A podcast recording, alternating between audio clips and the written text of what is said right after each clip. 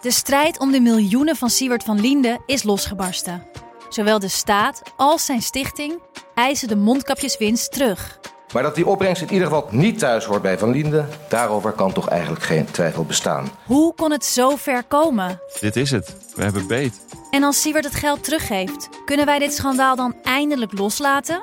Je hoort het in de Mondkapjesmiljonairs, exclusief bij Podimo. Ga naar podimo.nl/slash mondkapjes. In de podcast Radio Romano met Noortje Veldhuizen Met Marcel van Roosmalen. En met Roelof de Vries. brengen we alle drie elke week een zogenaamde signalering mee. Wat heb jij nou weer bij je? En aan het eind bepalen we wie de winnaar van de week is. Echt een angstcultuur Lege huls die je er bent? Ja, dat gaat eigenlijk altijd onvriendelijk. Luister nu naar Radio Romano bij Podimo. Via podimo.nl slash Radio Romano luister je 30 dagen gratis.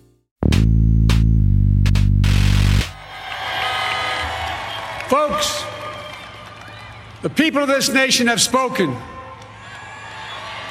They've delivered us a clear victory, a convincing victory, a victory for we the people. We've won with the most votes ever cast on a presidential ticket in the history of the nation 74 million.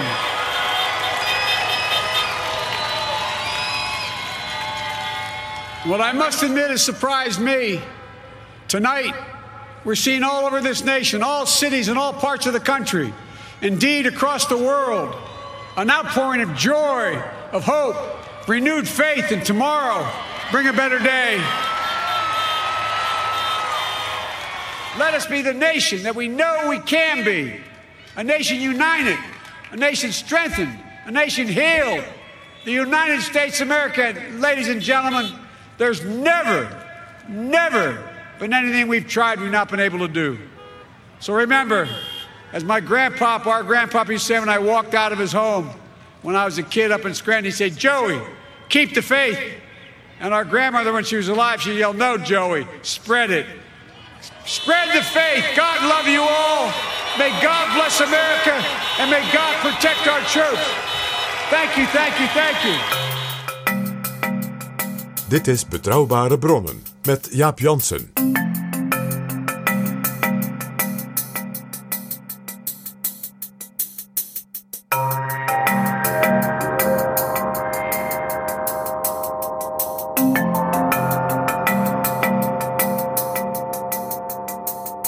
Hallo, welkom in Betrouwbare Bronnen, aflevering 146. En welkom ook PG. Dag Jaap. En welkom deze keer ook Peermin Oldeweghuis. Dag Jaap. Want we gaan het, ja, hoe kan het ook anders hebben, over de komende president. Want we hebben sinds dit weekend een president-elect, PG. Ja, en als ik even naar de Amerikaanse geschiedenis kijk, zeker die van de laatste 75 jaar, misschien wel de meest ervaren, voorbereide, gedegen president in nou, decennia. Nagaat, Joe Biden is acht jaar vicepresident geweest, is bijna 50 jaar senator geweest. Ja, het is geen jongeman. Ik kan hem eigenlijk qua zeg maar, cv alleen vergelijken met ja, Bush senior, die in 88 eh, president werd, of Richard Nixon eh, in 1968. Die was natuurlijk daarvoor ook acht jaar vicepresident geweest, was senator geweest, lid van het huis geweest. En ja, was dus ook zo'n door en door ervaren man. Dus ja, Nixon, Bush senior en nu Joe Biden. Hij is nu de oudste president die de Verenigde Staten ooit eh, gehad hebben. Maar toen hij senator werd, was hij pas 29.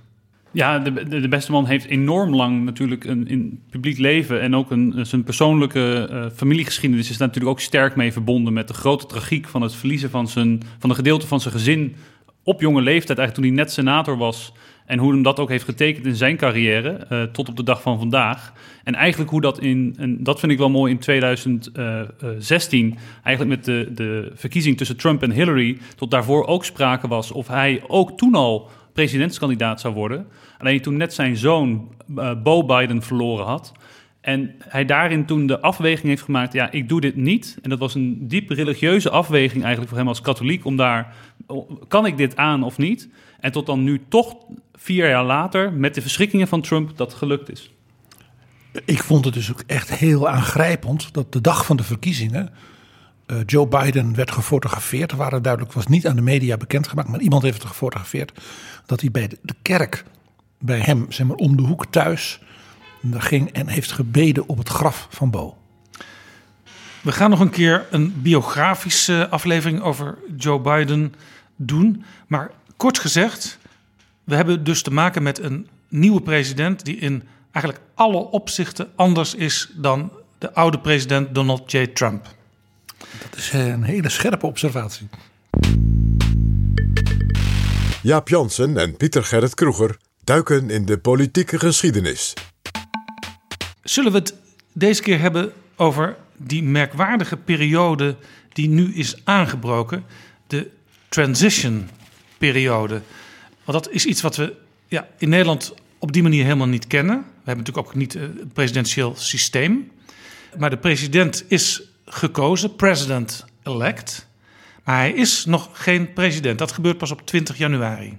Ja, formeel is, is, zijn nu de stemmen uitgebracht. Krijg je zometeen dat uh, op 14 december de kiesmannen, de Electoral College, daadwerkelijk eigenlijk de stem uitbrengt, waardoor de president ook daadwerkelijk gekozen is. En dan krijg je in januari het moment van de inauguratie, waarin het, eigenlijk de ambtsperiode daadwerkelijk ook begint. En onthoud, onthoud, de president van de Verenigde Staten is niet een soort minister-president on steroids. Hij is het staatshoofd. Hij is hun queen, hun Willem-Alexander. En daarnaast dus ook de politiek leider van het land.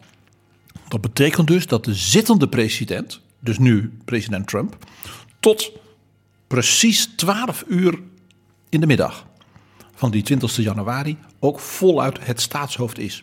Dus het is niet zo zoals in Nederland, waar je vaak op de verkiezingsdag de minister-president eh, een soort bericht uh, ziet maken van we hebben nu verkiezingen, er komt een kabinetsformatie aan.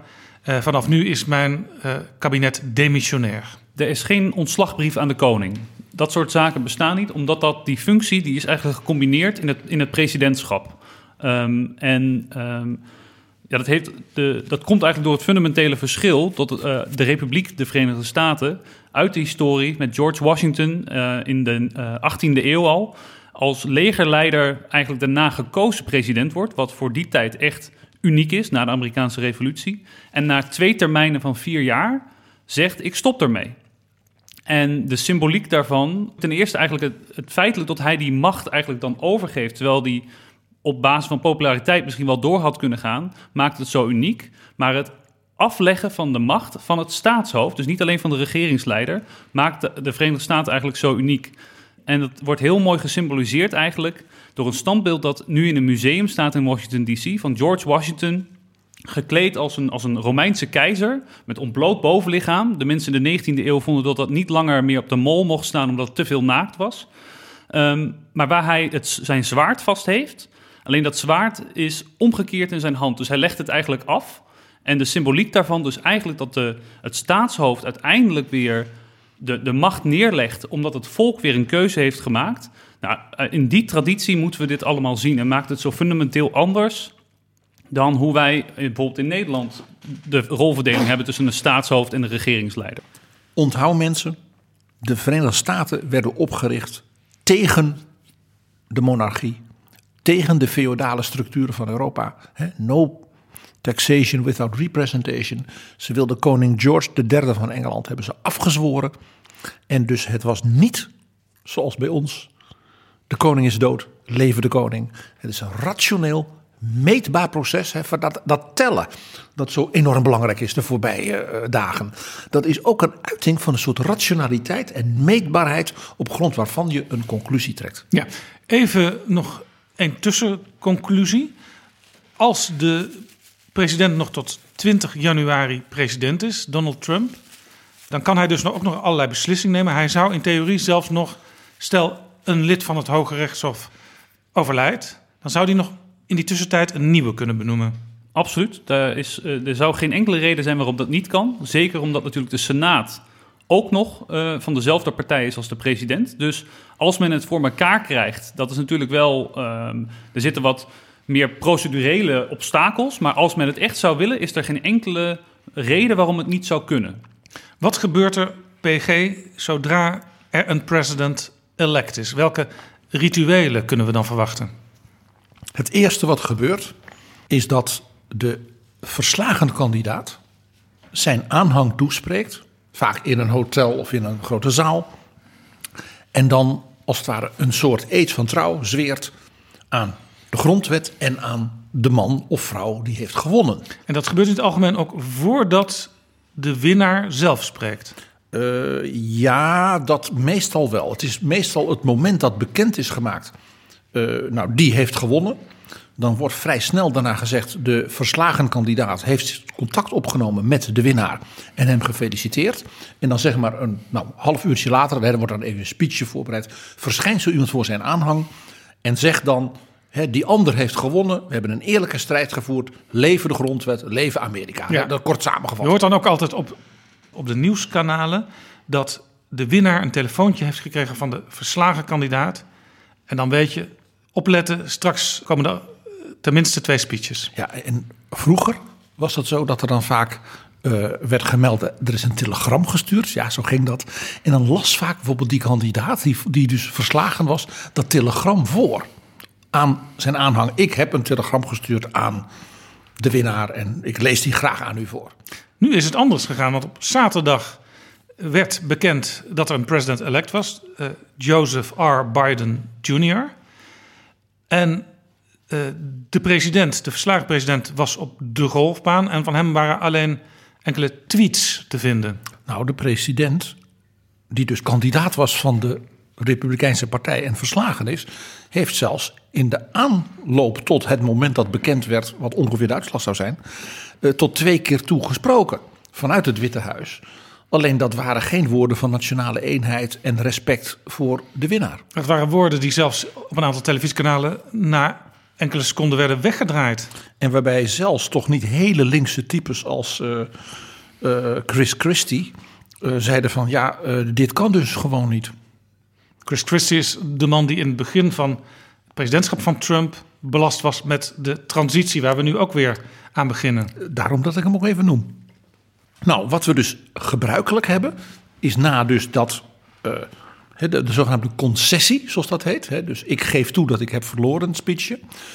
Dat dan vrij snel daarna uh, de president, uh, zeg maar de winnaar van de verkiezingen, hè, dat, tenzij hij dat zelf is omdat hij een tweede termijn wint, ontvangt op het Witte Huis. Ook met de toekomstige First Lady samen. Uh, en dat is altijd ook weer een soort symbool van nationale eenheid. Ja, het is eigenlijk vergelijkbaar met uh, als je je huis verkoopt, dan ontvang je de nieuwe eigenaren om even te vertellen hoe alles in elkaar zit. Ik vind dat wel een buitengewoon uh, banaal beeld, Jaap.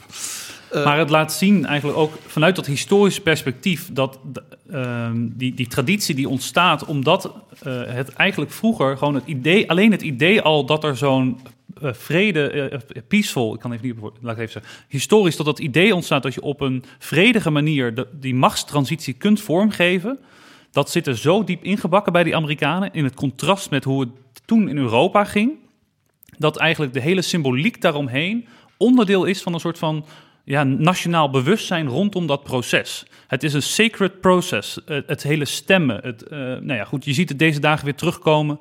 Dat uh, het tellen van alle stemmen, al dat soort dingen draagt allemaal bij aan dat proces. En dat uiteindelijk eindigt dat dan in waar men met eigenlijk met alle egaar men elkaar behandelt, omdat er nou eenmaal door het volk gekozen is. Heeft in zekere zin dus ook een educatieve betekenis, bijvoorbeeld voor kinderen, voor jongeren. Zo doen we dat in onze trotse natie. Ja, dat is, dat is exact het voorbeeld. En je zag ook gisteren. Uh, dat bijvoorbeeld Kamala Harris dat ook aanhaalde van goh, kinderen zien weer wat er nu gebeurt. Words matter. Uh, Van Jones die in tranen uitbreekt op de tv. Van Jones, commentator van CNN.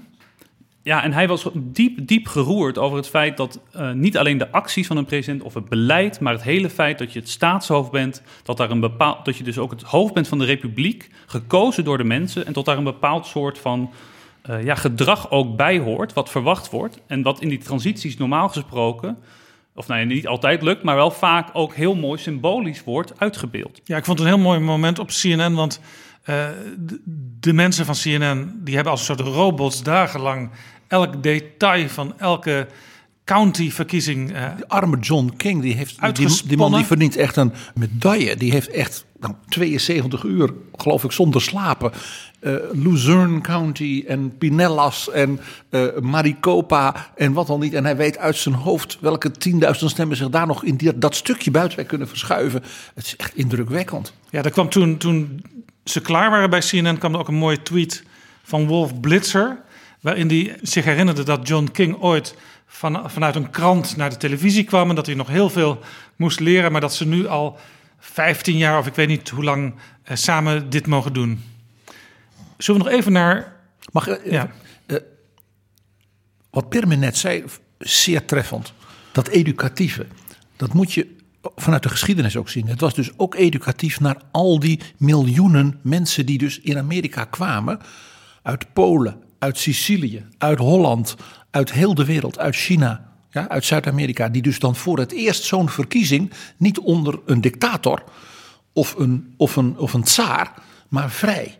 En wat dat betekent, hoe je daarmee omgaat. Dus dat educatieve moet je ook zien. Wij zouden bijna zeggen als een soort integratiedaad. Ik vond het heel bijzonder Laten we dat even horen, Jaap. Hoe Kamala Harris aan het eind dus sprak over de jonge meisjes in Amerika. De young girls die nu keken en zien. Wij mogen allemaal dus proberen het beste van onszelf te maken. Kamala Harris, de vice-president-elect. And what a testament it is to Joe's character that he had the audacity to break one of the most substantial barriers that exists in our country and select a woman as his vice president.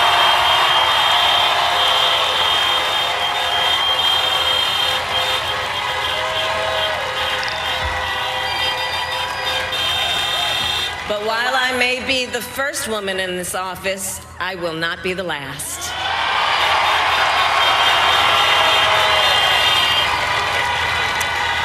because every little girl watching tonight sees that this is a country of possibilities. And to the children of our country, regardless of your gender, our country has sent you a clear message. Dream with ambition, lead with conviction, and see yourselves in a way that others may not simply because they've never seen it before. But know that we will applaud you every step of the way.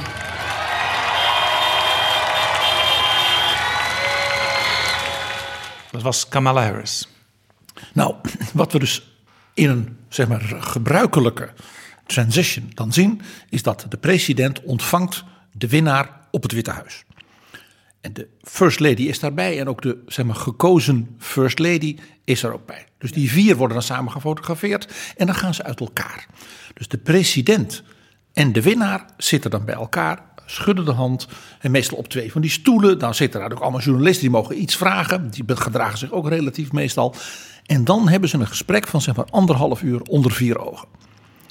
We weten bijvoorbeeld dat president Obama toen aan Donald Trump heeft gezegd van alle grote zorgen die er zijn op het wereldtoneel en binnenlands, maar daar staat er één voor mij helemaal bovenaan en dat is Noord-Korea. Ik vrees dat het regime Kim zeg maar niet meer te stuiten is en daar komen grote spanningen ook met bondgenoten van ons, waar wij bovendien ook troepen hebben, als Zuid-Korea en Japan. Dit was dus een les die Donald Trump goed in de oren heeft geknoopt, want hij is meteen aan de slag gegaan met Noord-Korea. Nou, hij is begonnen met Noord-Korea gigantisch te bedreigen met oorlog. Fire and fury. Dat kun je ook een manier van aan de slag noemen. Maar dat was wel de, de manier waarop het uh, moet. Namelijk een keurig nette overdracht met een gesprek beginnend waarin een aantal essentiële zaken worden besproken. En waarbij je dus die opvolger als het ware in korte tijd, voor zover nodig, bijles geeft, om maar zo te zeggen. Aangeeft van dit zijn ja, essentiële dingen. Uh, en de, uh, de First Ladies, uh, die komen ook samen. He, daar worden ook wat foto's van gemaakt. Ja, voor zover het natuurlijk First Ladies zijn, want in een zeer nabije toekomst krijgen we waarschijnlijk ook te maken met een First Gentleman. We gaan van alles. First nog... Husband. en die First Ladies die ontmoeten elkaar dus ook. En wat er dan gebeurt is heel belangrijk. De First Lady neemt dan dus de toekomstige First Lady mee en stelt haar voor aan de staf. Want de staf van het Witte Huis, dus de housekeeper en al die mensen die daar werken, dat zijn geen politieke benoemingen. Dat zijn mensen, dat zijn ambtenaren die dus niet anders doen dan dat gezin van de president ondersteunen. Die mensen werken er soms wel 40, 50 jaar. Sommigen schrijven ook hele leuke memoires. Uh, en die zijn dus volkomen toegewijd aan die families. Ja, het is ook wel eens gebeurd in het verleden dat zo'n nieuwe First Lady uh, op eerste blik al dacht ik ga hier uh, de boel eens flink uh, veranderen, de, de inrichting van dit Witte Huis. Je bedoelt Hillary Clinton? Nou, Mary Todd Lincoln. Dat is dus een belangrijk, ook symbolisch moment. Dat is eigenlijk al een soort overdrachtsmoment, nog voor de officiële inauguratie daar is. Nou, je begrijpt dat, uh, we, dat dit natuurlijk de buitenkant is. Daaronder zit er een transition en dat is een gigantisch, ook administratief, bureaucratisch en zeer politiek proces. Om een idee te geven, de nieuwe president moet tussen, dus zeg maar dus die dinsdagnacht in november en die 20 januari ongeveer 5000 mensen benoemen op sleutelposten in de hele regering. Dus dat varieert van de man of vrouw die je toezicht moet houden op de opslag van nucleaire uh, resten van de plutoniumraketten tot en met een chef van het landbouwbeleid, tot en met een chef-staf van het Witte Huis, een nieuwe baas of bazin voor het Pentagon en wat al niet. Vier jaar geleden zagen we dat dat maar heel mondjesmaat gebeurde, die nieuwe benoemingen. Uh, daar, daar, gaan we het straks nog wel even over hebben, ja. Want dat was iets heel aparts. Maar dat betekent dus ook dat al die ministeries, die federal agencies, die, uh, de, die bureaus, die organisaties van dat enorme grote land in Washington, hebben allemaal dus overdrachtsdossiers, zoals we in Nederland ook hebben bij ministeries, als er een nieuw kabinet komt, klaar liggen. Maar dan moet je dus denken aan pakketten van 5 tot 10.000 pagina's met wat is er gaande, bestaande regelgeving, bijvoorbeeld dingen die onder de rechters zitten bij die regelgeving, dat moet je allemaal weten. En dat nemen dus die zittende mensen dan ook door met die komende mensen. Ja, en die komende mensen, dat zijn ook vaak uh, of mensen die al in een vorige regering van die partij, in dit geval de Democraten, hebben gediend als, als minister of als topambtenaar. Eh, of bijvoorbeeld mensen die toen als jongeren al een belangrijke rol speelden en nu definitief op het hoogste niveau kunnen gaan functioneren. En heel veel mensen uit zeg maar, de denktanks in Washington die gerelateerd zijn aan bijvoorbeeld de partij van de winnaar, dan wel aan bijvoorbeeld bepaalde senatoren of bepaalde staten, die dus als het ware in zo'n denktank ook hun lobbyisten hebben zitten. Ja, ik heb verschillende denktanks uh, bezocht in het verleden. En daar kwam je inderdaad uh, ja, hele belangrijke mensen tegen die voor vorige presidenten hadden gewerkt. En mensen waarvan je wist, nou, kans is best wel groot dat die in een volgende regering een rol gaat spelen. Deze man of vrouw met wie ik hier nu zit te praten. Ja, als Permin wat langer had gewerkt in het congres dan hij deed bij Grace Napolitano, dan zou hij bijvoorbeeld nu uh, bij Joe Biden als een van de undersecretaries voor bijvoorbeeld buitenlandse zaken wel beschikbaar zijn geweest. Ja, kijk, at the pleasure of the president, hè? Dus. Uh... nou, uh, Jaap, laten we er nu omheen draaien een van de redenen waarom wij natuurlijk nu met elkaar hierover praten en ook naar de historie kijken, is de verwachting dat we uh, een transition periode gaan meemaken. Ja, eigenlijk wel passend bij deze president. Namelijk een periode zoals we nog nooit eerder hebben gehad in de geschiedenis. Ja, de president die heeft gezegd: Hoezo? Ik weggaan? Ik heb toch gewonnen? Ja, en alle mogelijke rechtszaken ineens begint, waarbij dus die rechters in die verschillende staten al die aanklachten meteen wegtikken met als mededeling: ja, dat is een bewering, er is geen enkel bewijs. Ik ga mij als rechter hier niet in, in mengen. Ja, er is, één ding, er is één ding, Peerman, waar wel uh, soms wordt toegegeven in de zin van: hier heeft de klagende partij een punt. Dat is als het verschil in de uitslag zo klein is dat er een hertelling kan worden geëist. Ja, er zijn, maar dat is vaak gewoon statutair vastgelegd. In heel veel staten tenminste. Voor mij Georgia en pin me niet helemaal vast op het, op het getal. Maar voor mij met een half procent van de stemmen. Als dat het verschil is, dan eh, kan er een recount. Of sommigen hebben dan tot het automatisch moet. Anderen uh, stellen dan in tot een partij dat mag aanvragen. En dan moet er herteld worden. Dat eigenlijk, maar in de historie dat dat gebeurd is, het aantal keren dat dat tot grote verschuivingen heeft geleid, is echt op één hand, ja, trouwens helemaal niet te tellen. Dat is gewoon niet gebeurd. Zelfs in Florida in 2000. toen hè, met Bush en Gore, dat fameuze uh, uh, gebeuren. Toen heeft het ook, ik weet niet hoeveel dagen geduurd voordat weken, de uitslag echt weken vastgesteld heeft, was. Weken heeft het geduurd. Sterker nog, toen zijn concessies gegeven en weer ingetrokken en toen weer gegeven. Ja, dat was Gore en Bush. Uh, vervolgens, toen was er dus een uitslag, anders dan nu. Men was niet meer nog aan het tellen. Er was een uitslag. En toen heeft de Democratische Partij, dus de aanhang van Gore, gezegd: ja, wacht even, wij willen dat er nog eens naar gekeken wordt. Dat is gedaan, dat is heen en weer gegaan. Nou, met de plaatselijke rechters, uiteindelijk het Hoge Rechtshof. Alle analyses, zowel op dat moment als daarna door hele kritische media, ook de krant van Miami bijvoorbeeld, die ze dat helemaal nagaan, kwam tot de conclusie dat George Bush terecht als winnaar was aangewezen. En of het verschil nou 1200 stemmen was of 587, wat sommige mensen zeggen. Uiteindelijk maakt dat dan in Amerika in de grondwet niet uit. Nee. De winnaar is de winnaar. En vanuit Nederland kijken wij dan altijd wat extra ja, met een sceptisch oog naar uh, de popular vote, zoals dat genoemd wordt. Hè? Als je gewoon alle stemmen van heel Amerika bij elkaar optelt. Want daar kan een verschil zijn. En dat was uh, toen ook tussen de meerderheid van de popular, in de popular vote en de meerderheid via het kiesmannensysteem, de electoral votes, ja. krijgt. Het is en, nu zelfs zo, Jaap, dat dat is echt historisch, ook in de totale Amerikaanse geschiedenis, een unicum, wat we nu meemaken. Dit is, als ik het mij goed tel, de zevende keer dat de Democrats op rij, op één keer na, namelijk 2004, de popular vote hebben gewonnen. Terwijl ze in die periode dus niet altijd het presidentschap wonnen. Maar gelukkig in deze uitslag van 2020 zijn beide uh, stemmingen uh, naar de Democraten gegaan. Ja, ze zijn congruent. En dat is dus in de geschiedenis van de laatste nou, 25, 30 jaar dus bepaald niet altijd het geval geweest.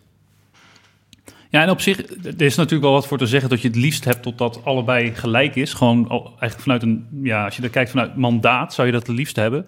Maar waardoor het komt is natuurlijk gewoon omdat um, als je door het winner-takes-all systeem kun je gewoon hebben dat heel veel mensen in Californië wonen of in New York wonen en op de Democraten stemmen. Dus als je marges daardoor groter worden, uiteindelijk heeft dat dan een beperkt effect op, op het gehele systeem met de Electoral College. Maar ik wil hier altijd nog even één punt maken, is dat wij in Nederland soms wat kritisch hierop zijn. Maar als je tegelijkertijd kijkt naar hoe wij bijvoorbeeld in de Europese Unie dingen georganiseerd hebben, dan hebben wij van dit niet een electoral college natuurlijk, maar er is ook geen absolute representatie. En er is ook, sommige staten hebben ook relatief meer invloed dan andere op basis van het feit dat we allemaal losse staten zijn. In Europa hebben we op het niveau van de Unie situaties waarin elke lidstaat een veto heeft. Dus ook Letland en ook Malta en ook mevrouw Merkel. En in het Europees Parlement is het net als in het Electoral College in Amerika. Ook hele kleine lidstaten hebben recht op een aantal parlementariërs. En dat is ook heel goed, want daarvoor heb je verkiezingen. En Estland en Letland en Cyprus en Malta, hartstikke goed. En dat betekent dus dat de Duitsers met iets van zeg maar 90, ja, dus eigenlijk ondervertegenwoordigd zijn. Aanzienlijk ondervertegenwoordigd zijn. Uh, en de Fransen, voor de Fransen geldt dat ook. En Italië en Spanje. En uh, landen als België, landen als Litouwen, uh, landen als Slovenië. ja, die zijn als het ware het, het, het, het Montana en het Wyoming van Europa. Ja, zo heeft elk land en elke structuur zijn checks en balances. Nederland heeft natuurlijk de Eerste Kamer als een soort extra check op het besluitvormingssysteem, zou je kunnen zeggen. En we hebben onze provinciale staten. En kortom, elk land heeft daarin zijn traditie, zijn manier van doen. En dus de neiging die hier, zeker ook in Nederland, vaak bestaat om wat denigrerend in dat opzicht ten opzichte van de Verenigde Staten te doen. Zeg altijd ja, dat is allemaal mooi, maar dat is typisch Europese arrogantie. Uh, zij hebben een systeem met elkaar bedacht in die 18e eeuw om als vrije burgers ja, hun eigen lot te bepalen. Dat ze dus dat systeem ook als traditie, als identiteit van Amerika vasthouden, heeft ook iets heel moois.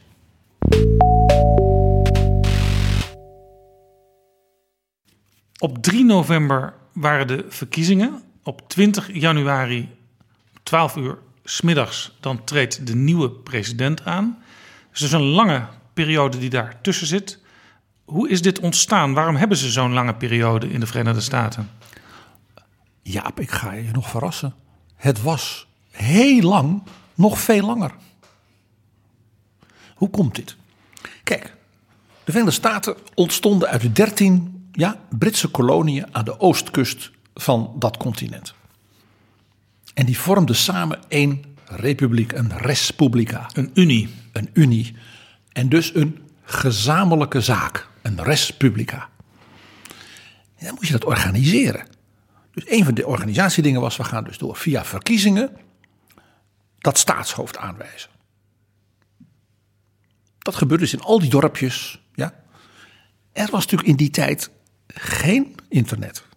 Er waren geen spoorwegen. Er waren bijna zelfs geen bestrate uh, verbindingen tussen New York en de omgeving. Laat staan tussen Maine en South Carolina en Georgia. Het was er allemaal niet. Dus wilde je zorgen dat dat systeem werkte, moest bijvoorbeeld zo'n president, die dan gekozen was, de president-elect, die woonde dan in Boston, John Adams. Die moest dan met zijn vrouw, met zijn bediende, en als je het zuiden kwam met zijn slaven, ja, want daar hebben we het wel over, en met assistenten, en ja, eigenlijk met zijn hele hebben en houden, zijn bibliotheek, zijn dingen, moest hij naar de hoofdstad. Dat was in het begin Philadelphia. Daarna was die stad die dan Washington ging heten, dat, dat, daar was helemaal niks. Er was nog geen huis, dat was een virtuele hoofdstad. Het enige die daar woonde was de president en zijn staf. En dat duurde dus weken voordat zo iemand überhaupt daar aankwam.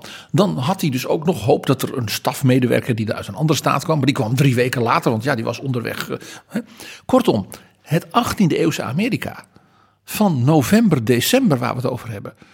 Alles was stuk gevroren. Bewegen kon je nauwelijks. Dus voordat het eigenlijk de zaak wat georganiseerd was en ook de gekozen senatoren binnen waren en het hele huis van afgevaardigden, ja, dan was het wel februari, maart. Dus dit heeft gewoon te maken met de logistiek en zelfs heel interessant het klimaat van die tijd. De periode tussen 1750 en zeg maar 1830, 1840 kennen wij als een kleine ijstijd. Toen is er een periode geweest dat dus het weer uh, ook in Europa, maar ook in de Verenigde Staten, aanzienlijk kouder was dan de periode daarvoor en de periode daarna. Dus toevallig de start van die Amerikaanse Republiek viel samen met dus heel erg veel zware winters, enorme stormen, ijzel, overstromingen en dergelijke. En even ter vergelijking, nog steeds in Washington DC, dat, het, dat is, het kan daar in de zomer is het als een moeras, want er is het ook in gebouwd. Dus het is daar heel erg warm. Dan weet je wordt het 30 graden. Het is een beetje als vochtig, Nederland. Vochtig. De swamp waar Trump het altijd over Ja. heeft. Clean the swamp. Ja, die bestaat ook echt. Eh, in de zin van fysieke is het gewoon niet prettig om daar in een, in een pak te moeten rondlopen met een das voor in de zomer. Daar weet jij en in, alles de van. win- en in de winter is het daar steen en steen koud kan het gewoon zijn. Dat is gewoon, Washington DC kan makkelijk een meter sneeuw vallen en tot het gewoon een paar dagen achter elkaar min 10 is. Het is dus eigenlijk volstrekt ongeschikt als hoofdstad van een land.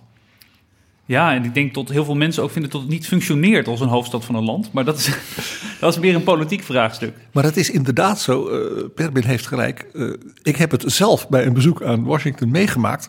eh, dat, er waren afspraken voor mij gemaakt. Je gaat bij die mensen langs en bij dat bureau langs. Hartstikke interessant. Maar er was dus een echt probleem. Men had vlak daarvoor. Had dus heel Washington vier dagen stilgelegen vanwege een wervelstorm annex sneeuw. Dus het werk had dus bijna een week stilgelegen voor al die ambtenaren. Dus er werden dus allerlei gesprekken van mij op het laatste moment afgezegd. Van ja, die meneer uit Holland, laat die een andere keer langskomen. Dan wel van, ja, het kan echt morgen niet. Maar we kunnen u misschien overmorgen dan om 11 uur even ontvangen.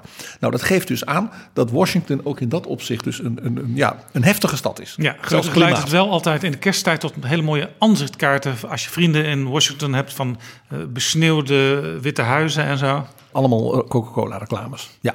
Nou, het is dus zo dat in die 18e eeuw, begin 19e eeuw, de inhuldiging van de president dus was begin maart. En de verkiezing was in, op de eerste dinsdag van november. Die verkiezing was in november. Dus daar gingen, daar gingen eh, vier, vijf maanden overheen. Ja. En dat had dus te maken gewoon met de logistiek en de fysiek van het regeren. Dat verklaart dus ook meteen waarom de Amerikanen, eh, Permin wees daar al ook op, dus niet een soort demissionaire regering konden hebben. Want dan heb je dus bijna een half jaar lang, ja het is toch niet België, hè, eh, een demissionaire president die eigenlijk niks kan doen. Dat kon niet. Dus het effect was dat eh, eh, de president dan uiteindelijk werd ingehuldigd dus begin maart. Meestal 3 of 4 maart. Dat hing er vanaf of het op een zondag viel. En dan, ja, wat was dus traditie? Dus toen in de loop van de 19e eeuw ja, de industrialisatie in Amerika natuurlijk doorbrak. Je kreeg spoorwegen en het was dus eigenlijk heel goed te doen om uit heel dat grote land met de trein naar Washington te komen. Ja, industrialisatie betekende communicatie. En dat betekende communicatie, mobiliteit en dergelijke. Maar ja, traditie. Dus toen heeft men altijd die begin maart datum vastgehouden. Want dat was zo geweest met Washington, met Adams, met Jefferson. Wanneer ging is dat, dat niet veranderd? Op een dramatisch moment. En jij zult bijna wel zeggen, en de luisteraars ook, van ah, daar is die weer. Die president die in de 20e eeuw zo'n grote ja, doorbraak maakte en Amerika echt fundamenteel veranderen. Franklin Delano Roosevelt. FDR. FDR. Die werd gekozen dus in november 1932. Dat was een verpletterende overwinning en hij versloeg de zittende president. Herbert de, Hoover. De republikeinse zakenman en miljonair. Die waarvan het beeld was geweest dat hij geweldig ja, zou regeren en de economie tot bloei zou brengen. En het leidde natuurlijk tot die diepe, diepe depressie. En Roosevelt heeft dus toen moeten meemaken dat uh, de plannen die hij had om die crisis ja, te bestrijden. Om de, groot, de grootschepse plannen? Groot, dat die daar dus geen enkele stap voor kon zetten. We zullen het straks nog wel even hebben over hoe die transition toen ging. Dus toen hij uh, op 4 maart werd ingehuldigd, waren er miljoenen meer werklozen en faillissementen van winkels, van bedrijven. Alle banken in Amerika waren bijna failliet inmiddels. Omdat Herbert Hoover gewoon koppig, stijfkoppig door was gegaan met zijn bestaande beleid. En weigerde overleg te voeren met uh, de zeg maar, nieuw gekozen president-elect en zijn staf. En ook het nieuwe huis en de nieuwe senaat, die door de overwinning van Roosevelt, dus dominant, wel twee derde, drie kwart democrat waren. Echt een politieke landslide. Ja. En die werden dus door de zittende president, die dus nog alle macht had, hè, formeel, uh, volstrekt gewoon geweigerd uh, te, te raadplegen en dergelijke.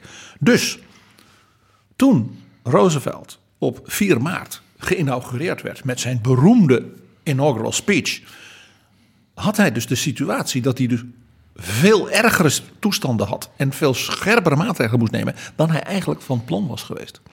Misschien is het leuk om iets van Roosevelts speech te laten horen, waarin je dus hoort hoe hij indringend de Amerikanen ook op dat moment toespreekt. This great nation will endure as it has endured, will revive and will prosper. So first of all, let me assert my firm belief that the only thing we have to fear is fear itself. Nameless, unreasoning, unjustified terror, which paralyzes needed effort to convert retreat into advance.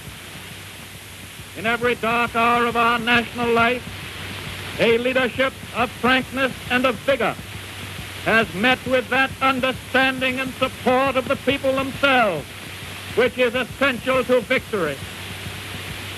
And I am convinced that you will again give that support to leadership in these critical days.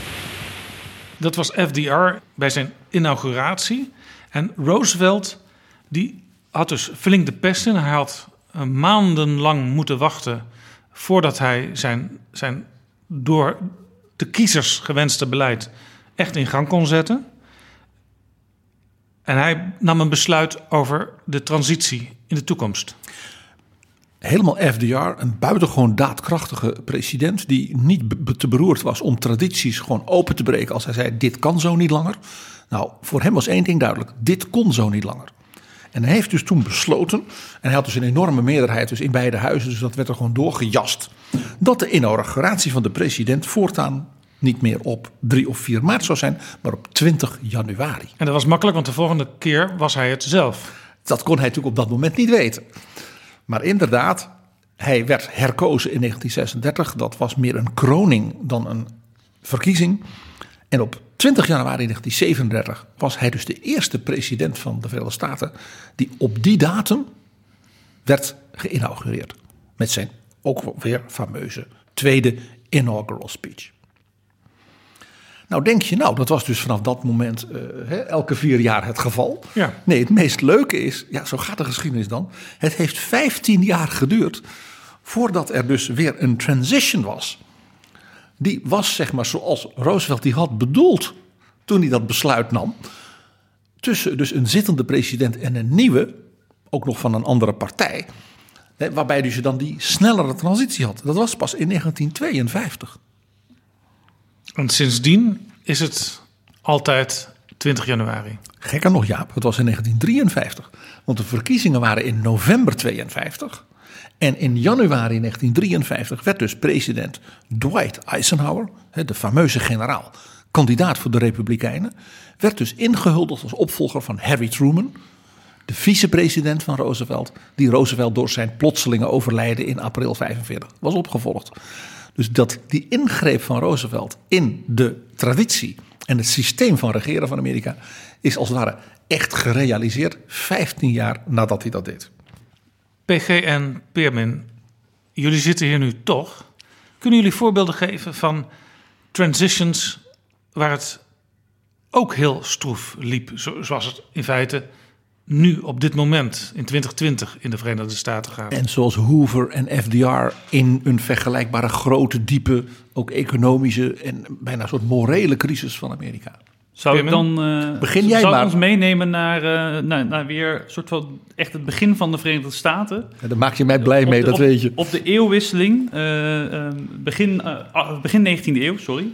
Ehm, en we hebben het de vorige keer er ook al over gehad, over de verkiezing tussen Adams en Jefferson. En tot dat nou ja, zo, zo smerig was en dat er in die, eh, ehm, van allerlei verdachtmakingen naar elkaar, de een zou heulen met de Franse revolutie. en Fake news. Fake news, De- alles bij de elkaar. vrienden Adams en Jefferson die rivalen werden. Ja, en uiteindelijk weer als vrienden eh, eh, op dezelfde dag overleden. Maar wat, daar, wat wel mooi is om daar te laten zien in die, ik denk in die transition-periode... is dat op het moment dat die verkiezing had plaatsgevonden...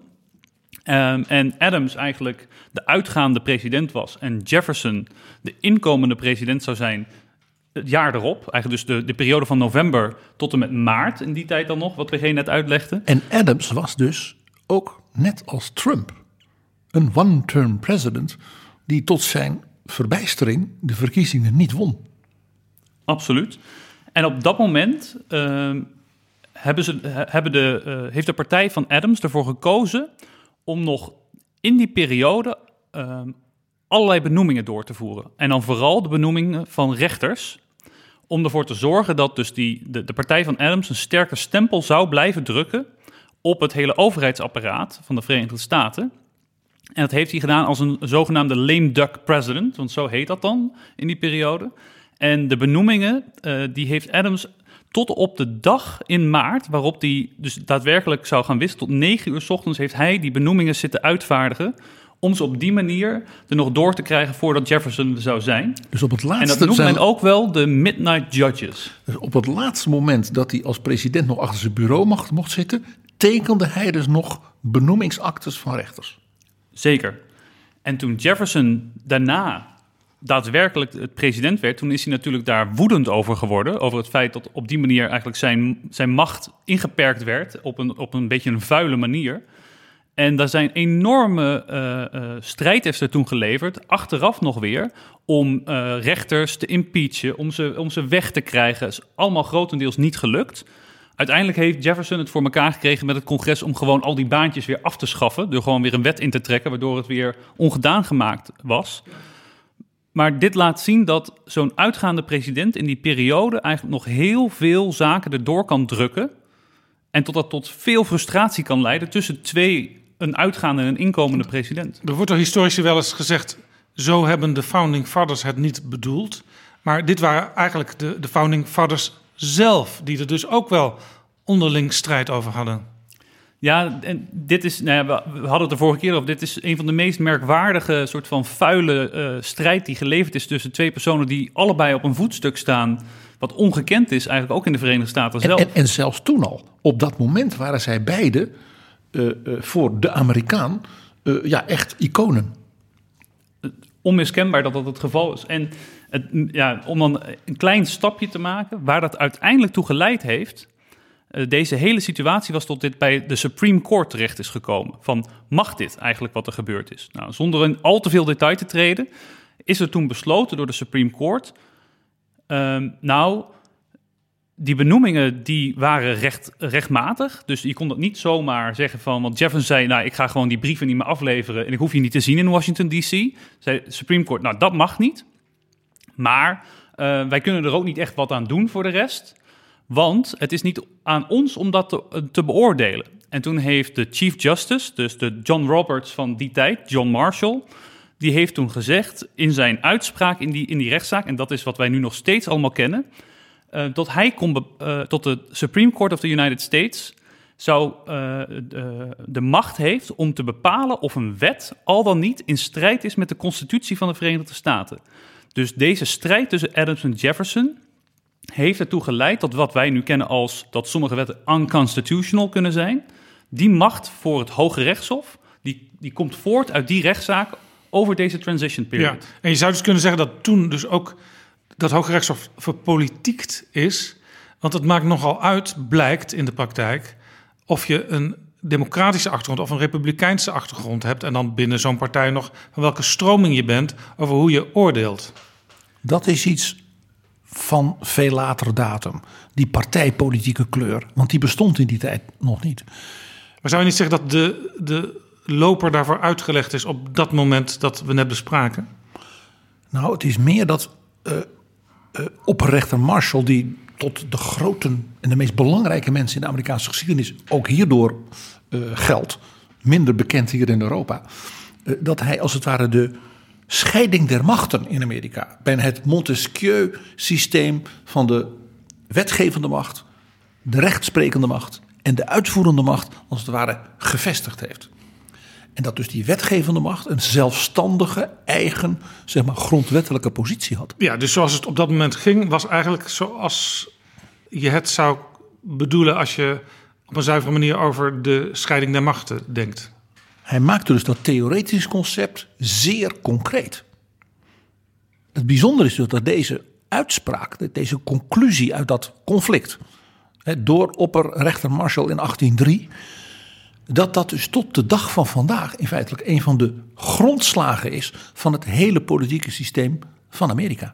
Als ik misschien dan nog even op aan mag vullen. en ik- Marbury versus Madison, dat was eh, de secretary... Nee, dat was niet. Marbury versus Madison, dat was de rechtszaak. Dus Marbury was boos over het feit dat hij benoemd was... maar uiteindelijk tot Jefferson zei, ja, ik wil je niet zien. Even heel plat gezegd.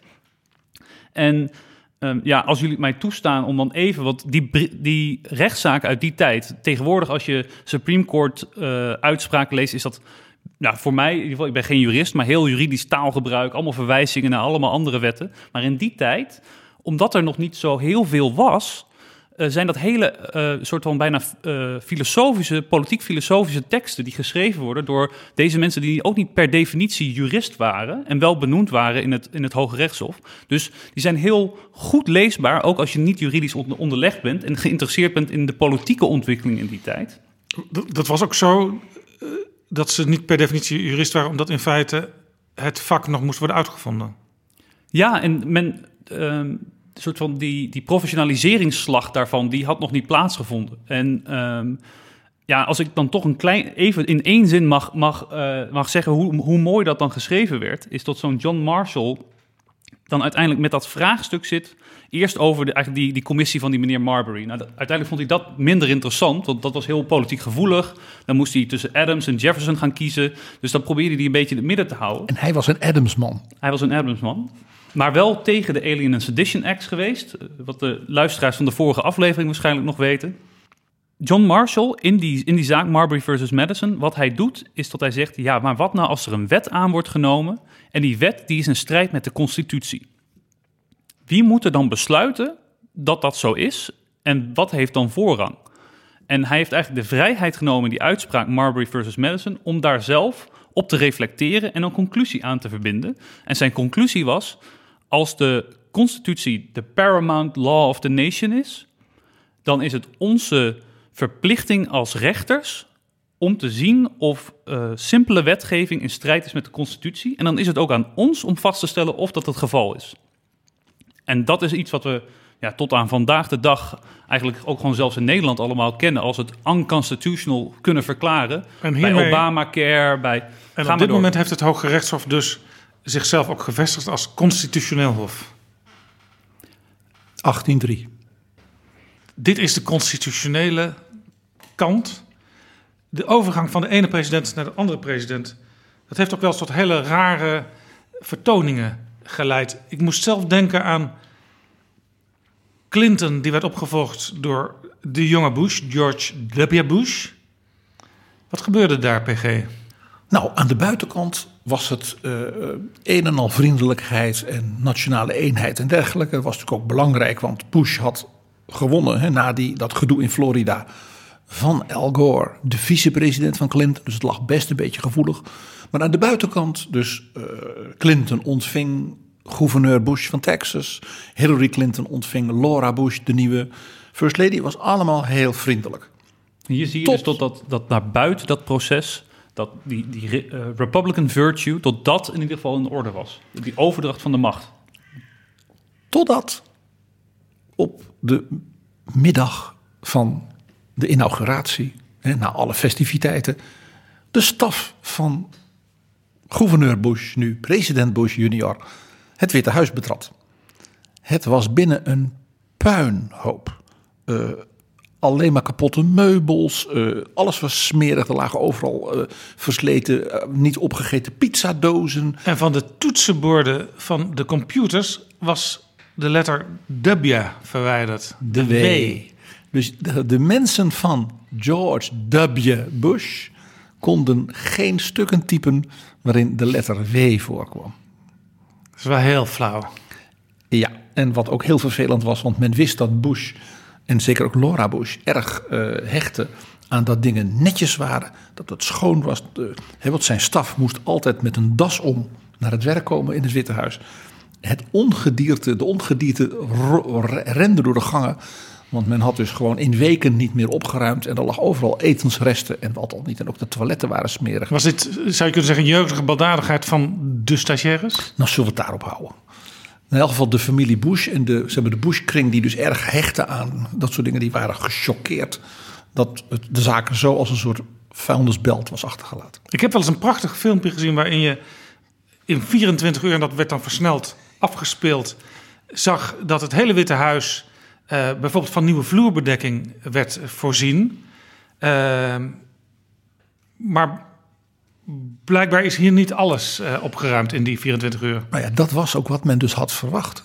En daarom dus dat men ja, onthutst was. Toen men dus, hè, na die festiviteiten kom je daar binnen... en het laatste wat je verwacht is dat je in een soort vuilnisbelt terechtkomt. Ja, dan wil je eh, op de bank gaan liggen of in je bed ploffen. Je wil even eh, dromen over alles wat die dag geweest is. En je alvast een beetje voorbereiden op wat gaat komen. En je, ja, je wilt dus als, nieuwe als je medewerker in je nieuwe kantoor... je wilt daar de foto van je vrouw en kinderen neerzetten... en denken van ik ben nu de assistent dit en dit van de nieuwe president. En dan kom je daar binnen en dan ligt daar eh, de etelsresten van de afgelopen drie weken... en er lopen ratten door je, door je kamer. Dat is toch niet leuk? Nog los van dat je niet kunt typen.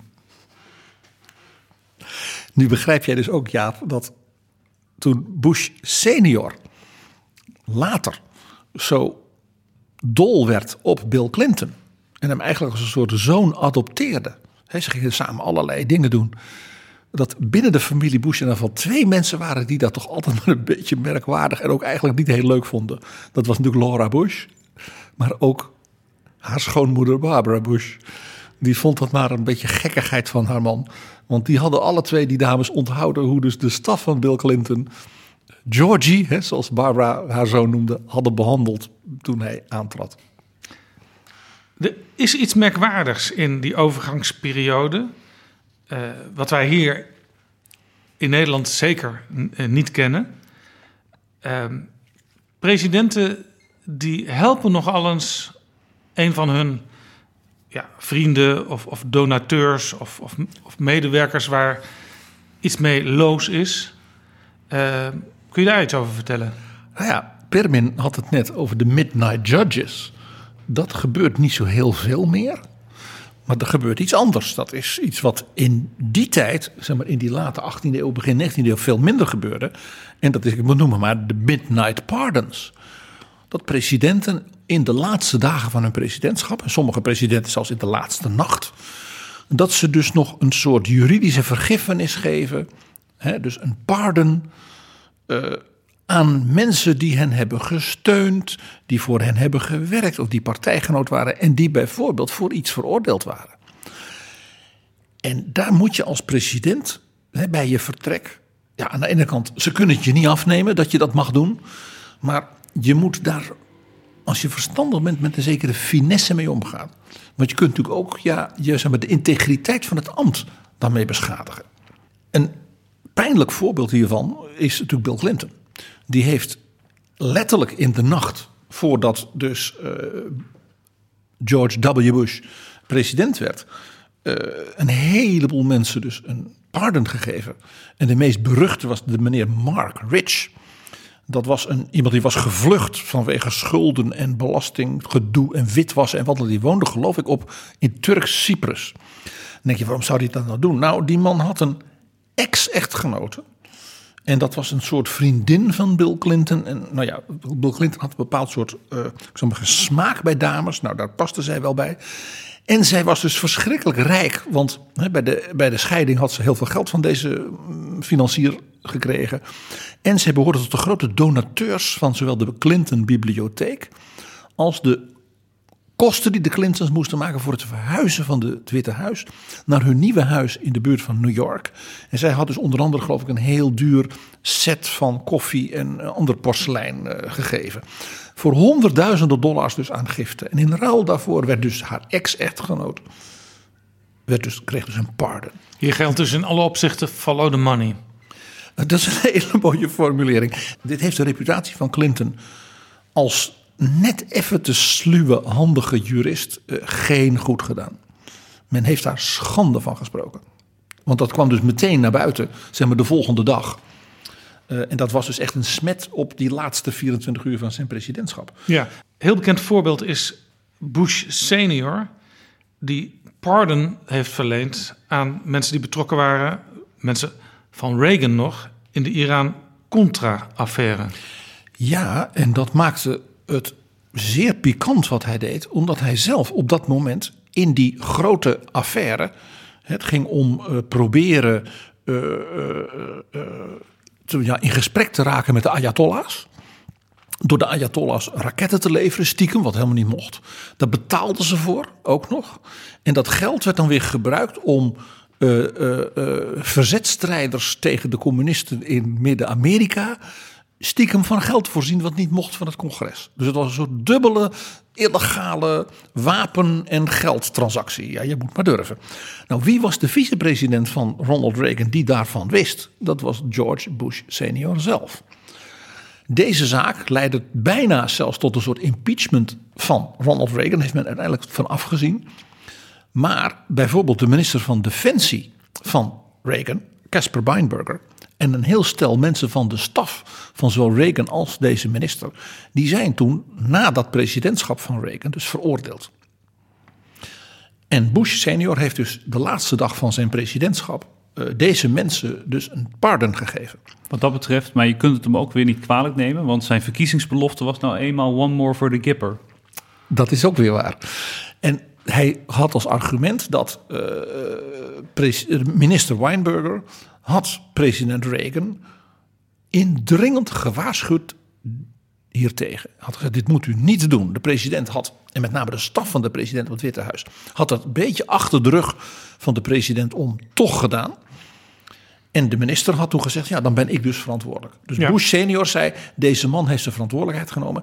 Heeft heel veel voor Amerika betekend. Hij had daarvoor, had hij Reagan al, was hij al zijn chefstaf als gouverneur van Californië.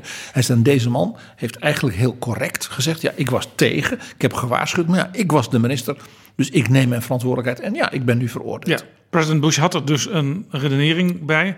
Overigens, een, een, een deel van de achterban van Bush uh, die was niet volledig content, want Oliver North, die toen ook heel veel in het nieuws was, de, de kolonel die eigenlijk die hele operatie uh, regelde. Die dus achter de rug van de president om. Hij zei dat Reagan dat goed, goed vond, maar dus ook achter de rug van Weinberger en een beetje achter de rug van Bush zelf om. Die werd niet gepardoneerd. En die was ook veroordeeld en die kreeg geen pardon. En dus de zeer rechtse achterban van uh, de Republikeinen, die hebben dat Bush senior, vreemd genoeg dus, nooit vergeven dat hij Ollie North, dat was toch een held, dat hij dus geen pardon had gekregen. Bush kon het nooit goed doen, dat blijkt maar weer. Ja, dit was Bush senior. Bush junior, die stond ook voor de vraag, uh, moet ik een pardon geven? Dat was een zeer pijnlijke kwestie. Uh, de chefstaf van zijn vicepresident Dick Cheney. Die chefstaf had de mooie naam Scooter Libby.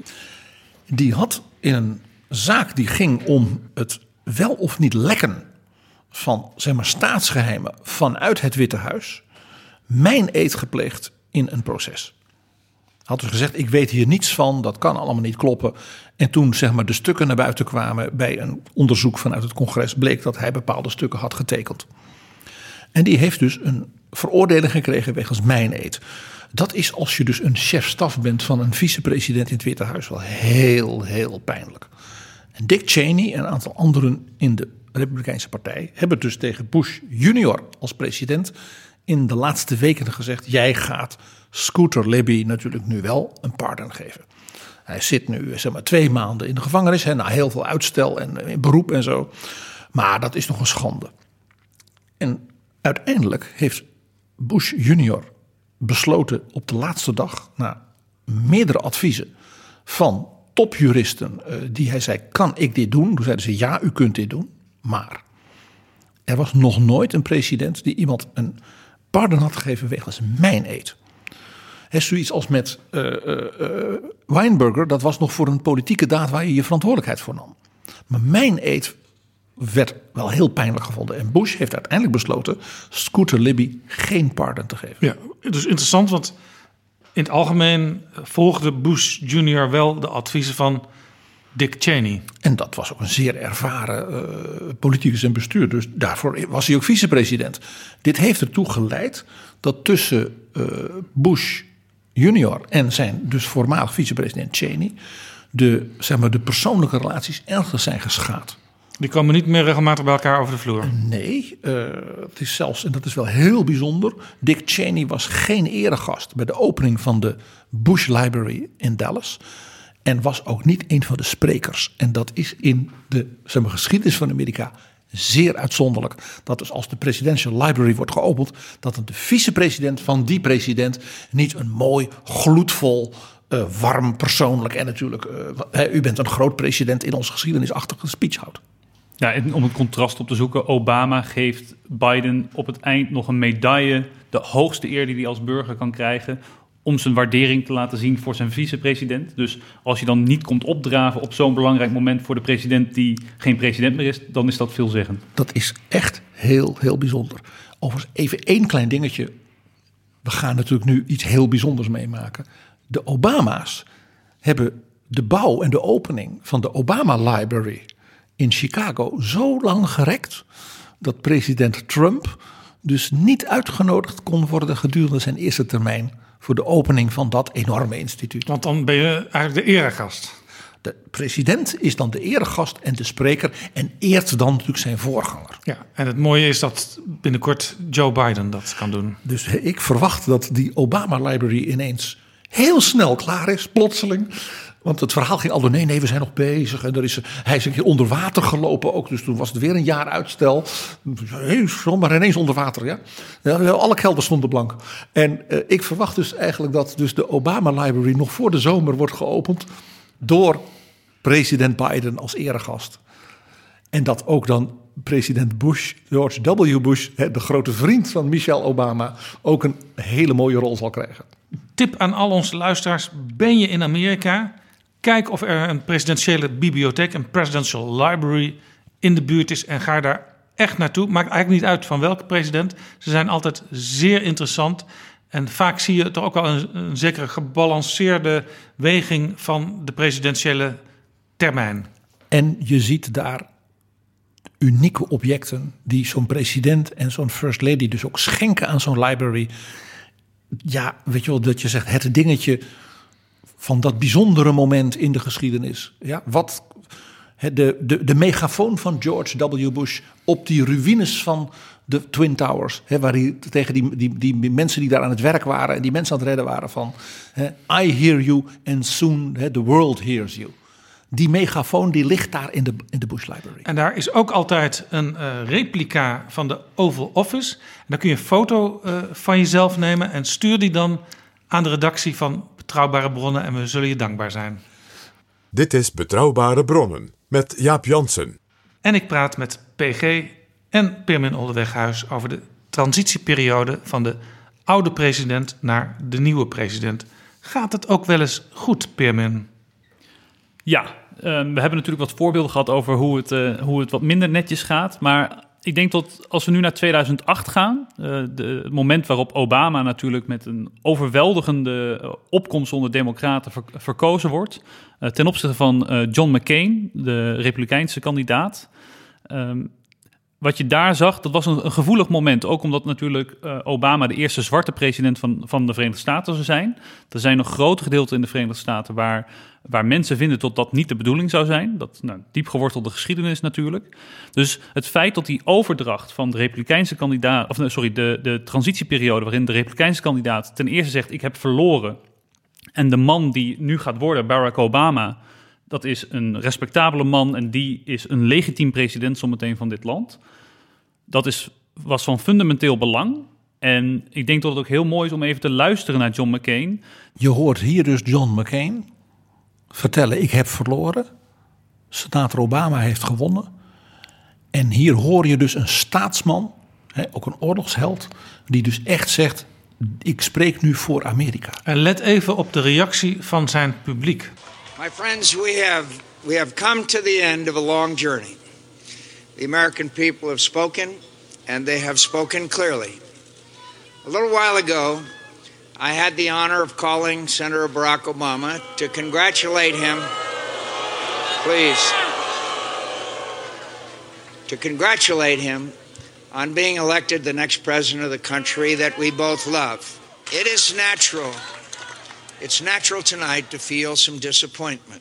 But tomorrow, we must move beyond it and work together to get our country moving again. Dat was John McCain, twee jaar geleden overleden. Maar iemand die wel een zeer goede band heeft gehouden eigenlijk met Obama en zeker ook met Joe Biden, die die natuurlijk vanuit de Senaat heel goed kende. Ja, dat waren furieuze opponenten in politiek opzicht. Ze konden heerlijk met elkaar uh, uh, strijden. Maar als het ging om het land, dan waren ze uh, eensgezind. Joe Biden was ook altijd dat hij zei: John McCain is een authentic hero, een echt een oorlogsheld van een andere partij. En ik ben het niet met hem eens, maar ik kan niet anders dan diepe bewondering voor hem hebben. En het beste symbool van deze vriendschap is wel dat in het transitieteam van Joe Biden, dus de kerngroep mensen die hem adviseert: hoe ga jij je presidentschap invullen, zit Cindy McCain, de weduwe van John McCain. En dat is een door en door republikeinse dame. Heel interessant. Die overdracht hè, van Bush Jr. naar Obama, dat was er een, je zou kunnen zeggen, volgens het boekje. Ja, in die zin al. En dat begon eigenlijk al toen de campagne nog aan de gang was. Want uh, zoals uh, misschien velen wel kunnen herinneren, uh, 2007, 2008, het omvallen van Lehman Brothers, de grote financiële crisis die dat tot gevolg heeft, die natuurlijk zijn weergaan niet kende, ook in de Verenigde Staten. Um, en wat Bush Jr. toen gedaan heeft, toen eigenlijk men wist dit gaat helemaal fout, toen heeft men zowel kandidaat Barack Obama als kandidaat John McCain uitgenodigd op het Witte, Huis, top secret, er mocht niemand wat van weten, om ze te informeren, de race die jullie nu hebben, die gaat totaal anders worden, want morgen, om even zo even plat te zeggen, stort de economie in, volledig. En we moeten nu alles eraan doen om die economie te gaan redden. En um, David Axelrod, de oud-chief of staff van Obama, is een campagneleider. Die schrijft het ook wel mooi in zijn boek. Hoe Obama dan terugkomt bij de campagne en eigenlijk niks mag zeggen.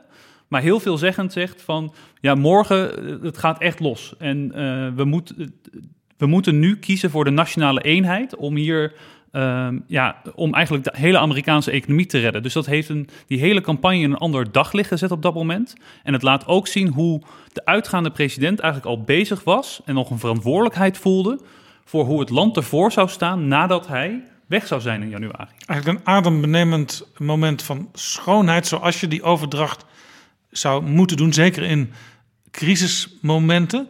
Uh, op dit moment is het natuurlijk ook een crisismoment, want we zitten in de coronacrisis.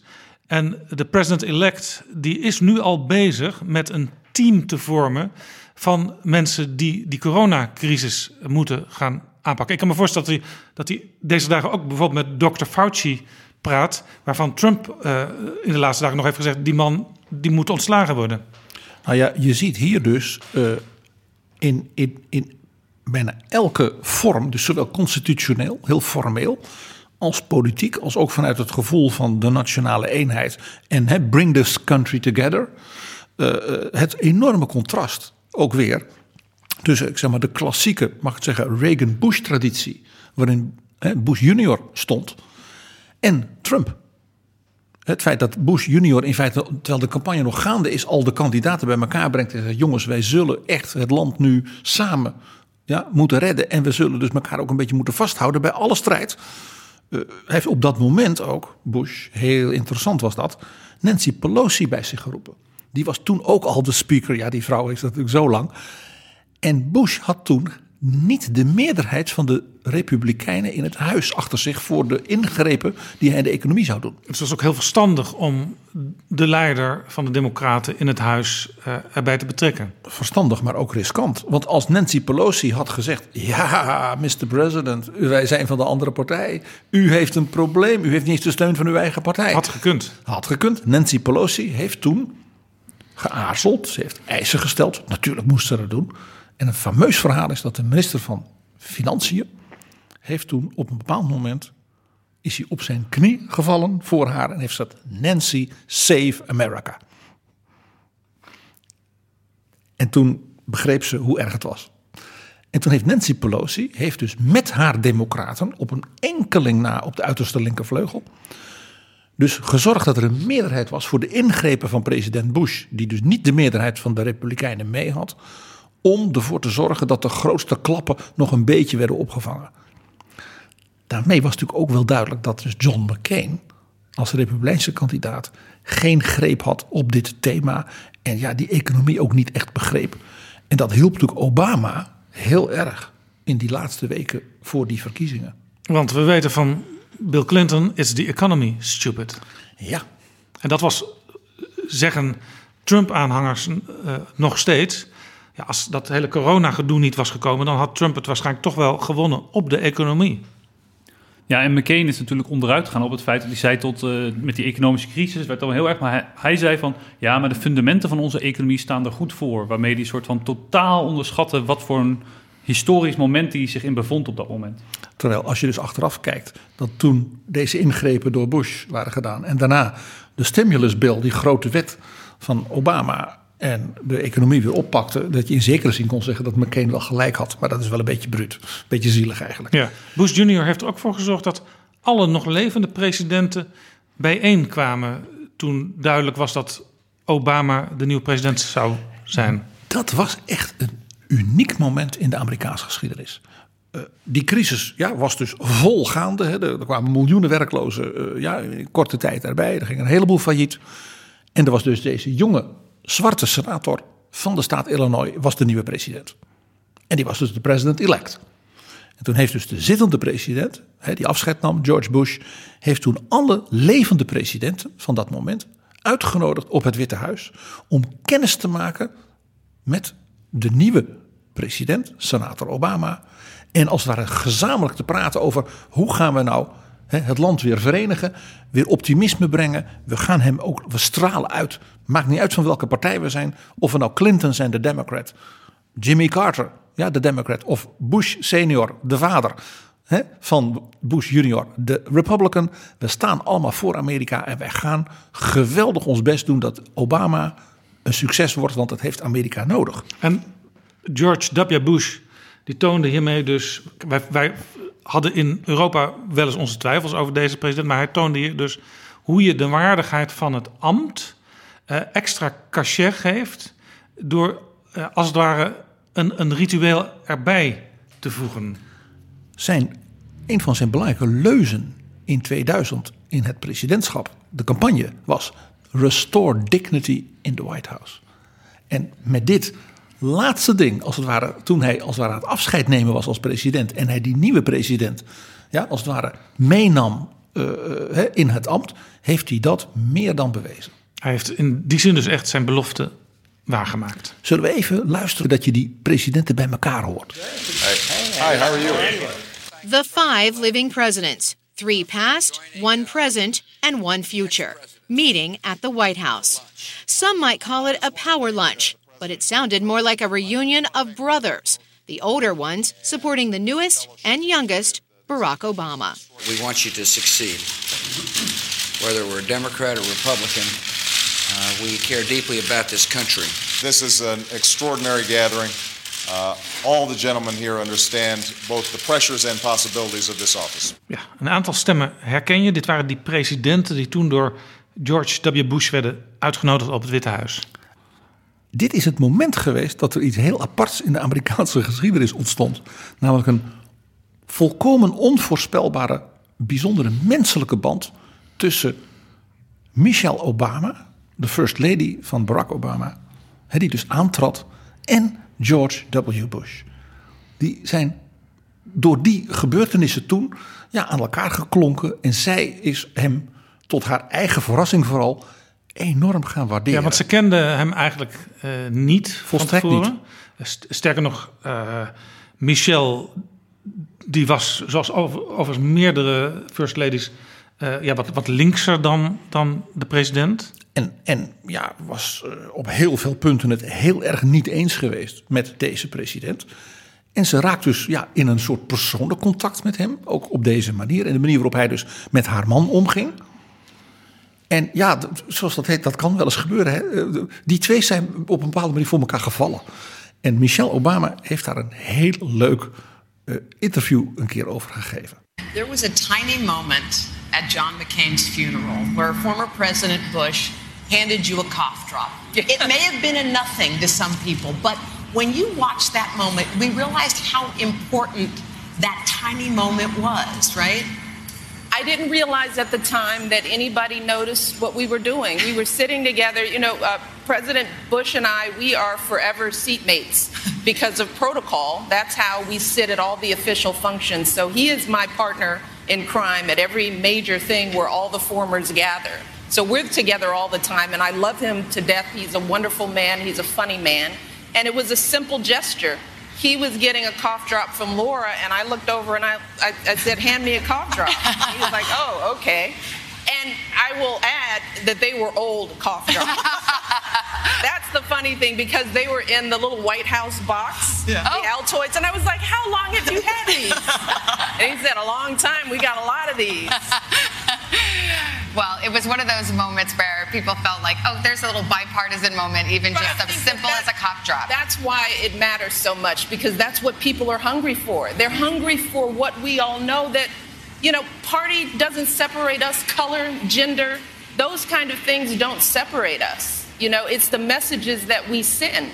Uh, and if we're, if we're the adults and the leaders in the room and we're not showing that level of decency, we cannot expect our children to do the same. So that's what I think about when I think about the gestures and the symbols and uh, what our words mean and the impact that it has. I think about the next generation every single time. Dat was Michelle Obama. Laten we ook nog even kijken hoe het vier jaar geleden ging. Oh, Obama, Barack Obama was acht jaar president geweest. Donald Trump was president-elect. Ja, dat, dat was ook tot zijn eigen grote verbazing waarschijnlijk het geval. Uh, niet natuurlijk, toen hij de campagne voerde wilde hij winnen. Maar het, uh, voor, gewoon een soort van een paar jaar daarvoor had gedacht van nou gaat dit lukken. Ja, dat is ook beschreven door een aantal mensen die boeken over president Trump hebben geschreven. Ze waren eigenlijk stom verbaasd. Wat gebeurt er nou? We zijn president, was het idee. Het verhaal gaat dat Melania Trump in tranen uitbarstte. Uh, toen duidelijk werd dat haar man echt had gewonnen. Die was ontredderd. Of ontredderd. Ja, het is echt. Ja.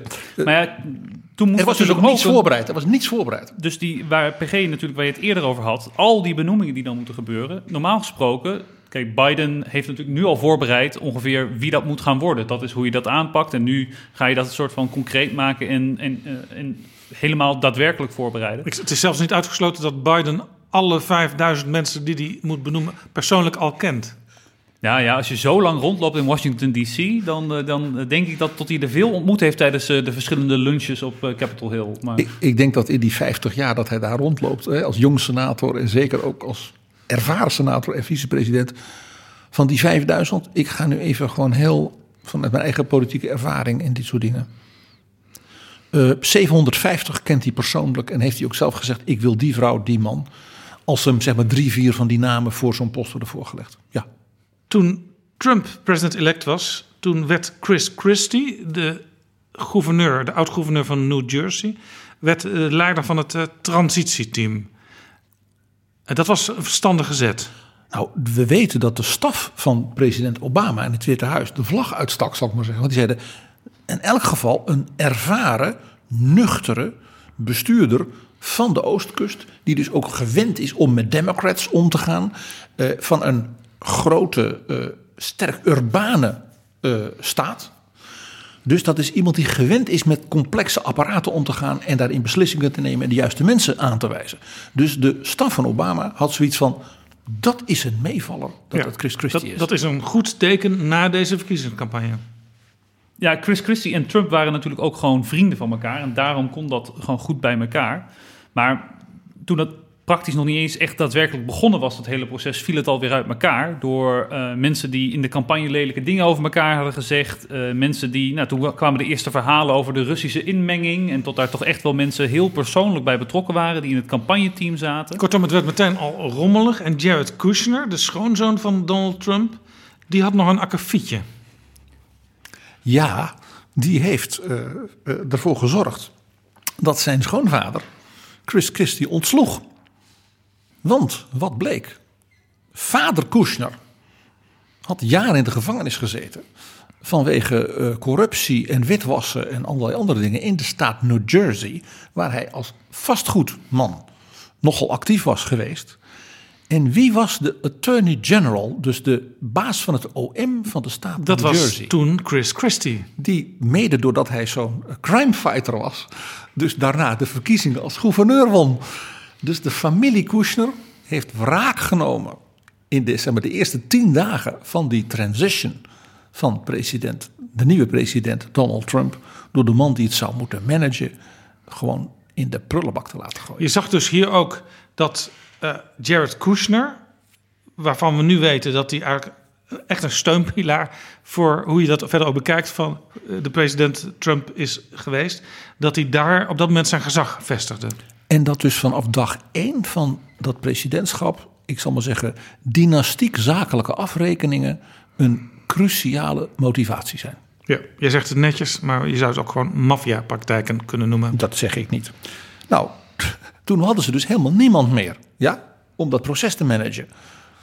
Dus toen heeft Mike Pence als aankomend vicepresident gezegd: Nou, laat mij het er dan maar Ja, doen. dat was natuurlijk ook iemand die een zekere ervaring had. Die was gouverneur van Indiana geweest. Maar Mike Pence had zich natuurlijk in het geheel niet kunnen voorbereiden op deze rol. Terwijl Chris Christie dat al drie maanden had gedaan. En Chris Christie was eruit getrapt. Dus die heeft niet gezegd van nou hier heb je mijn dossiers en dit en dit. Dus ze begonnen helemaal dacht, overnieuw met nul. Nou voor een proces als dit. Met het aanzoeken van ministers, van die, die 5000 topambtenaren en diplomaten en wat dan niet. Was natuurlijk een ramp. Om, om je een voorbeeld te geven Jaap. En dat is echt een dramatisch voorbeeld van hoe dingen dan volkomen misgaan. Dramatisch ook in de zin van gewoon wereldpolitiek, dus global gevaarlijk. Wat bleek? Eh, Donald Trump had iemand, een generaal, en van die zei dat is een geweldige vent, een oorlogsheld. En die heeft in de campagne mij enorm gesteund. Die heeft op al die rallies, was hij, die generaal, was de man die lock her up, lock her up, begon te, te schreeuwen. En dan ging natuurlijk die hele zaal mee. Die generaal zou de nieuwe National Security Advisor worden. Dus de hoogste man in het Witte Huis voor de nationale veiligheid. Michael Flynn. En Michael Flynn, die was ontslagen uh, als een van de belangrijkste generaals in de staf van Obama, omdat hij een soort schrikbewind onder de medewerkers had. En dus allerlei mensen hadden geklaagd dat hij niet te vertrouwen was, ook als baas. Dus Obama heeft hem gewoon ontslagen. Hij was niet te handhaven. En die man was dus enorm gefrustreerd en verschrikkelijk boos. En had natuurlijk wel, omdat hij ontslagen was, een inkomen nodig. Dus hij werd adviseur van allerlei clubs en werd dus onder andere gefotografeerd op het diner voor het, zeg maar, de tiende verjaardag van Russia Today. Waar hij ook wel eens optrad. Het televisiekanaal. Het televisiekanaal van het Kremlin. En hij zat daarna bij aan de tafel naast Vladimir Poetin. Ja, dus hier was in elk geval, dat valt niet te ontkennen, sprake van een Rusland-connectie. Hier was een connectie. En hij heeft aan Mike Pence, dus de vicepresident die dus die transitie nu moest leiden, wat natuurlijk een hele belangrijke politiek, ook gevoelige taak is, die helemaal niet hoort bij die officieel voor de vicepresident, verzwegen dat hij dus niet alleen maar een keer had gedineerd in Moskou en dat hij toevallig naast uh, Poetin zat. Dan kon je nog zeggen, ja, ze hadden maar daar uh, op die tafel gezet. Maar ook nog dat hij in die transitie dus telefonisch en persoonlijk contact had gehad met de ambassadeur van Rusland in Washington. Toen dat uitkwam, dat hij dus had gelogen tegen Michael Pence, uh, ja, was hij dus niet meer te handhaven. Dus president Trump was net ingehuldigd, ik zal maar zeggen, dus op 20 januari uh, 2017. En enkele weken daarna moest Michael Flynn, zijn allerhoogste veiligheidsman op het Witte Huis, die dus alle security clearances had, ja, dus alle staatsgeheimen van, van het leger en het militair zo mocht weten, moest weten, moest dus al opstappen vanwege zijn verzwegen relaties met het Kremlin. Dat geeft dus aan hoe ongelooflijk ja, gevoelig en belangrijk zeg maar, de, de integriteit ook van het proces van zo'n transition is. Ja. Ja, en in dat Witte Huis met die security clearances ging het natuurlijk allemaal lastig. Want ook Jared en Ivanka naar verluid was het heel lastig om, eh, tot zij de juiste clearances uh, zouden krijgen, tot ze die hele gevoelige informatie ook daadwerkelijk mochten zien als senior advisors to the president. Uh, de redenen daarvoor zijn nog steeds ja, je roddel en achterklap waarom dat precies was. nu met de tax returns van Trump, misschien wel vanwege de gevoelige financiële positie van de familie. Um, en er was natuurlijk ook nog iets met de, de twee zonen die het bedrijf van Trump overnamen, zodat hij er geen bemoeienis mee had. Ja, die liepen natuurlijk ook in en uit daar. Ja, en dat laat weer die hele dynastieke politieke omgeving eigenlijk rondom Trump. En misschien is het de tragiek daarvan dat je wat je nu ziet uh, gebeuren, tot alles wat nog overblijft, zijn ook is die hele kleine kring die steeds kleiner wordt en ja, dan nog Rudy als, uh, als advocaat erbij ja, het is een, als het niet zo ernstig was, zou het een soort van tragisch zijn. Laat ik het dan maar uh, zo verwoorden. Ja, bij Ivanka en dus haar echtgenoot Jared Kushner speelde onmiskenbaar natuurlijk hun bijzondere warme band uh, in Moskou met Trump Tower, de familie Agalarov. En wat wij allemaal in betrouwbare bronnen daar in het kader van het Eurosongfestival als over hebben verteld. Zij zaten tot diep in de oligarchen netwerken rond Poetin. Ja, een bijzondere aflevering was dat, PG. Beluister die als je die nog nooit gehoord hebt. Jared Kushner was toen dus ook betrokken bij die transitie. Ja, en uiteindelijk krijg je dan tot... Uh, nou, Jared Kushner heeft daar zijn, zijn, zijn invloed uitgeoefend. Uh, vele dossiers naar zich toegetrokken. Vrede in het Midden-Oosten. nou, ga zo maar door. Hij heeft dus wel wat gedaan. Maar op dat moment toen die transitie begon... wist hij eigenlijk niet wat de bedoeling was, hè? Uiteindelijk blijft het probleem tot uh, Jared Kushner uit een soort van milieu komt dat niet politiek is. Die relaties met alles en iedereen eigenlijk in de Republikeinse partij, in de kringen daaromheen, uit een soort van de grote groep mensen waar je die, die, die ambtenaren, die hoge ambtenaren moet gaan werven, daar zat niet het netwerk van de familie Trump. Dus dat was meteen een uitdaging. En al helemaal omdat natuurlijk in de campagne uh, zijn schoonvader, uh, nog ongeveer iedereen die daar wel een rol in had, uh, ja, vreselijk, voor de vreselijkste dingen had uitgemaakt. Dus de frictie tussen Trump en de Republikeinse Partij was er natuurlijk wel degelijk ook op dat moment. Zeker de mensen in het establishment die daarna rollen zouden moeten opnemen in dat Witte Huis. Dus ja, en dat establishment heeft natuurlijk in de campagne ook nog wel momenten gehad dat ze eigenlijk Trump hebben proberen te overreden zich terug te trekken uit die voorverkiezingen. Ja, men, men wilde natuurlijk Trump absoluut niet. En is toen uh, ten, de, de, de favoriete, de kandidaten waarvan men dacht, ja, die moeten het worden, zijn toen allemaal één voor één natuurlijk afgevallen. Ik denk ook niet dat de Republikeinse Partij zo blij was geweest met Ted Cruz, die uiteindelijk zou hebben gewonnen. Um, maar de meer gematigde kandidaten moesten al heel snel het veld ruimen. En wat je uiteindelijk ziet is in die cabinet positions die dan wel gevuld worden, tot daar soms mensen in terechtkomen die nog niet eens een, een slecht cv hebben of wat dan ook, maar um, zo onvoorbereid op die posities terechtkomen. Bijvoorbeeld een, een Rick Perry, voormalig gouverneur van Texas, maar ook uh, met sterrendansen op het ijs had hij al meegedaan. En um, uh, de, de beroemde. Uh, Sorry.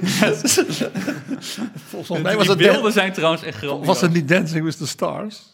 Oh, ik dacht dat het oh, ja. op het ijs oh, was. Maar, um, uh, en Rick Perry die... Uh, het was in ieder geval glad ijs. ja, die beroemd was in zijn eigen poging om president te worden... nog weer daarvoor, tot hij uh, ging zeggen dat hij drie ministeries ging afschaffen... want die waren niet noodzakelijk. En maar toen hij was er twee... werd welke, toen kon hij ze niet opnoemen. Ja, toen was hij ze alle drie vergeten.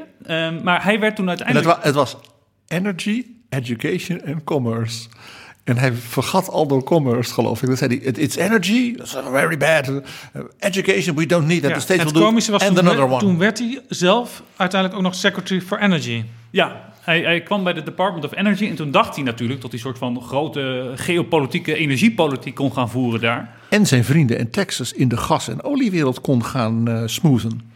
Maar wat bleek, ja, het is toch nog wel wat saaier dan dat hij van tevoren had ingeschat. Want ja, het gaat toch over best wel een soort van technische, inhoudelijke materie. En, en niet zozeer als een halve businessman uh, daar als minister te gaan zitten. Dus laat gewoon voornamelijk zien dat die beginperiode van de Trump presidency uh, ja, met heel veel horten en stoten ging. Gedeeltelijk door de complete, ja, het gebrek aan ervaring van, van de mensen die dicht op de nieuwe president zaten. Uh, maar ook natuurlijk het grote contrast tussen uh, Donald Trump en Barack Obama. De belofte van Trump was natuurlijk om met alles te stoppen waarvoor dat Witte Huis van Obama acht jaar lang had gewerkt. Uh, dus, dus, er was ook een soort innerlijke weerzin om überhaupt nog bij wijze van spreken naar die overdrachtsdossiers te kijken. Want wij weten het zelf eigenlijk wel wat we gaan doen de komende vier en jaar. Het meest pijnlijke voorbeeld hiervan, en dat is echt zeker in deze tijd het meest pijnlijke voorbeeld, is dat Obama en Biden een pandemic preparedness plan hadden gemaakt. Uh, hoe moet je omgaan, global health? Wat als er een grote pandemie komt, geleerd van de, van de vogelgriep? Ebola. Ebola, wat moet je doen? En dat plan is gewoon door de shredder gehaald, van de website afgehaald, niks meer mee gedaan. En het feit dat je dus nu in, met corona uh, zit met een president die dat allemaal ontkende in het begin, ja, dat is natuurlijk wel extra tragisch, tot, uh, gezien de hoeveelheid Amerikanen die daar nu ja. uh, door gestorven en, zijn. En, en die pandemie die er door de lakse aanpak waarschijnlijk toe heeft geleid dat het presidentschap van Joe Biden niet echt vliegend van start kan gaan. Ja, nou ja, ik las wat commentaren dat het uh, uh, tot Joe Biden bijna in dezelfde situatie zit als uh, Obama in ja, het begin van zijn termijn. Tot hij niet de, alle, nou, niet de allerstevigste fundamenten van de economie erft van zijn voorganger. Dit is Betrouwbare Bronnen, een podcast met betrouwbare bronnen. Laten we nog even kijken naar wat er vanaf ongeveer vandaag gebeurt in de transitie tussen Trump en Joe Biden. Uh, ja, er zullen overdrachtsdossiers zijn, dat is altijd zo. Dat hoop je. Maar gelet op hoe dus die departementen en die organisaties hebben gefunctioneerd uh, onder Trump uh, sluit ik niet uit dat dat allemaal houtje touwtje zal zijn vergeleken bij dus vorige transitions. Ook omdat er veel minder benoemingen zijn geweest dan eigenlijk al in die transitie had moeten gebeuren. Ja, hele grote delen van de toppen van ministeries uh, zijn in die vier jaar dus gewoon niet gevuld. En die mensen zijn dus de mensen die die ambtenaren als het ware uh, leiding moeten geven en richting moeten wijzen van er moet een dossier komen voor dit, dit en dit en die cijfers moeten worden gebracht. Ja, als dat er niet is, die leiding, dan zullen ambtenaren wel pakketjes maken. Maar laat ik zeggen, het coherente daarvan, dit zijn de grote lijnen, dit zijn de beslissingen die het komend jaar bijvoorbeeld moeten vallen, die zijn er dan niet. Laten we even kijken naar het transition team van Biden. Wie zit er daarin of wie verwachten wij daarin? Nou ja, zeker als we dus aarzelen over het feit of er überhaupt zeg maar, zo'n coherent uh, pakket aan overstagdossiers en dergelijke is. Ook een coherent pakket van uh, maatregelen om de economie te redden. Ja? Want dat ligt nu helemaal geblokkeerd. Uh, denk ook even aan dat pandemiebestrijdingsplan hè, van Obama, dat gewoon door de shredder is gegaan, zoals Permin zei. Je zal toch nu de chef-staf zijn van Biden die dit moet gaan organiseren. Nou, we weten wie dat is. Dat is Ted Kaufman. Ted Kaufman. En dat is een interessante man, want die werkte als een van de, zeg maar, de tweede lijnsorganisatoren van het transitieteam van Barack Obama in 2008.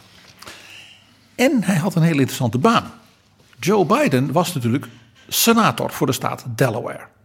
En werd vicepresident. Toen heeft de gouverneur van Delaware voor de resterende termijn, want zo gaat dat in Amerika, een senator aangewezen. En wie was dat? Je raadt het al, Ted Kaufman.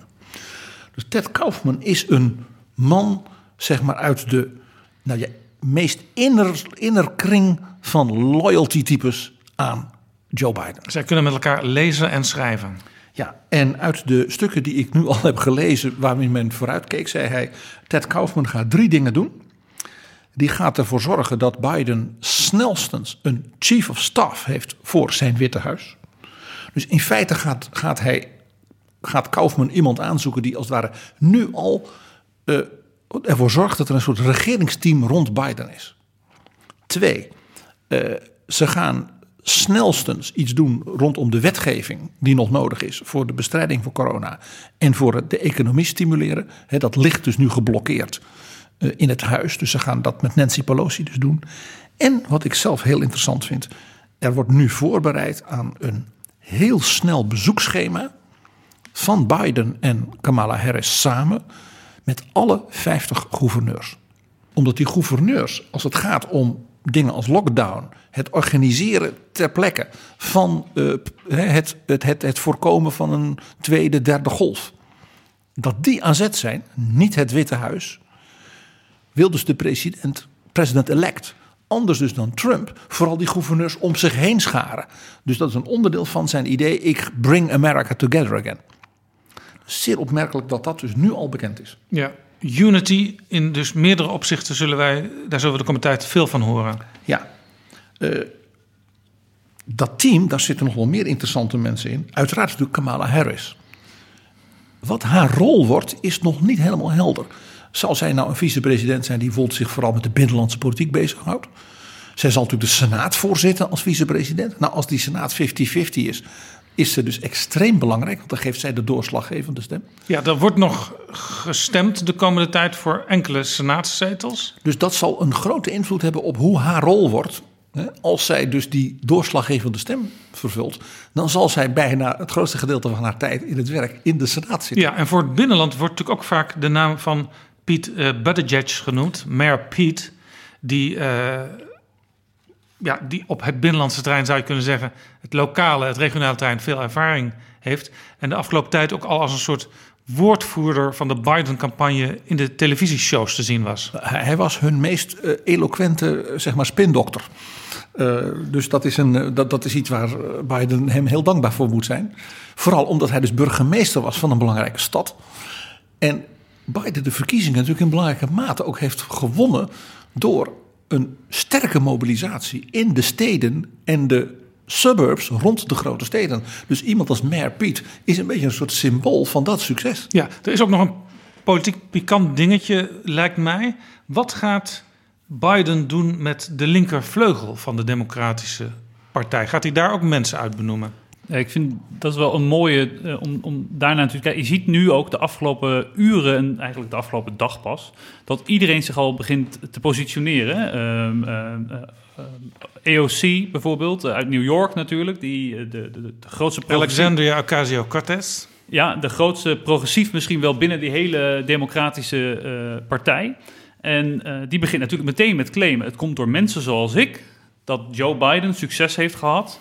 Het zijn de mensen in de, in de steden, de progressievelingen die deze verkiezing hebben binnengesleept. En daarom moet er ook, als ik als vertegenwoordiger van die tak van de partij, naar mij geluisterd worden. Is logisch. Tegelijkertijd, maar... uh, uh, Permin, de zwarte leiders binnen de Democratische Partij, die zeggen met minstens zoveel uh, recht: Joe Biden wint de verkiezingen doordat onze achterban voor hem is opgekomen in die steden, in die suburbs, hè, rond Atlanta, rond Philadelphia, Milwaukee, nou, uh, Detroit. Uh, we hebben het allemaal eerder in betrouwbare bronnen erover gehad. En die zeggen, ze kwamen net zo op onze achterban als destijds in 2008 voor Obama. Dat had niemand voor mogelijk gehouden. Dus onze mensen die verdienen respect en dus ook aandacht en posten. Ja, dit is dus altijd ingewikkeld voor een president, eigenlijk uit welke partij die ook komt. Want je moet dus de stromingen in je eigen partij moet je uh, op zijn minst te vriend houden. En dat ook laten zien door mensen op bepaalde posten te benoemen. En tegelijkertijd, als je bijvoorbeeld een, een echte linkervleugel hebt in je partij. en je wil ook outreachen naar de andere kant van het politieke spectrum. Je wil ook republikeinen uh, erbij betrekken en op zijn minst zorgen dat ze niet steeds zand in de machine gaan gooien. Ja, dan is de balans zoeken best ingewikkeld. Dat zal de grootste uitdaging worden voor Biden uh, om, om dat bij elkaar te brengen. Ik vermoed wel dat een gedeelte van die, van die uh, politiek nu, die heel erg uitgesproken is binnen die Democratische Partij, heeft ook te maken in deze aanloopfase. Hoe kan ik zoveel mogelijk invloed op dit moment krijgen? Um, je ziet ook dat Biden dan gelijk ook mensen hebben die al subtiel hem verdedigen, meer die gematigde toon. Een Jim Clyburn, een, van, een, uh, een zwarte senator uit South Carolina. De, uh, vond ik gisteren wel mooi toen Jake Tapper zei... zonder deze man was Biden nooit president geworden. Omdat Clyburn hem in de primary, waarin Biden het moeilijk had... Uh, een endorsement gaf. En die zat al veel meer op de rem. Die, wat hij impliciet een beetje aangaf was... ja, mensen als uh, Ocasio-Cortez... die kunnen wel zeggen dat het allemaal door haar komt. Maar het zijn ook de meer gematigde, conservatieve kiezers... waar ik voor sta als een van uh, ja, de, de, de grote, hoe zeg je dat? de, de grote mensen in, in het Huis van Afgevaardigden namens de Democraten. Ja, die hebben hem ook geholpen. Dus dat spel vindt wel plaats. En Biden moet daar wel een manier in vinden... Hoe die dat precies gaat doen, dat, dat, blijft wel de, dat blijft natuurlijk wel de vraag. En met de Republikeinen heb ik best wel een hard hoofd in. Um, uh, tot dat een succes gaat worden. Um, de, ja, de, de motivatie voor de Republikeinen om samen te gaan werken op dit moment met Joe Biden is denk ik gewoon heel laag. De, ja. Er zijn weinig redenen waarom ze. Er worden al wel namen doen. genoemd van Republikeinen, bijvoorbeeld John Kasich, die uh, gouverneur van Ohio was en ook op de Democratische Conventie heeft gesproken. Maar dat is dan eigenlijk heel logisch dat die naam genoemd wordt. Ja, zo iemand als John Kasich is natuurlijk een republikein. Uh, maar dat zijn een beetje de rhinos, de Republican in name only. Uh, John Kasich staat natuurlijk niet voor de base van Trump. En dat is hetgene dat electoraal succes voor een groot gedeelte van de mensen die nu in de Senaat en in het Huis van Afgevaardigden zitten namens de Republikeinen.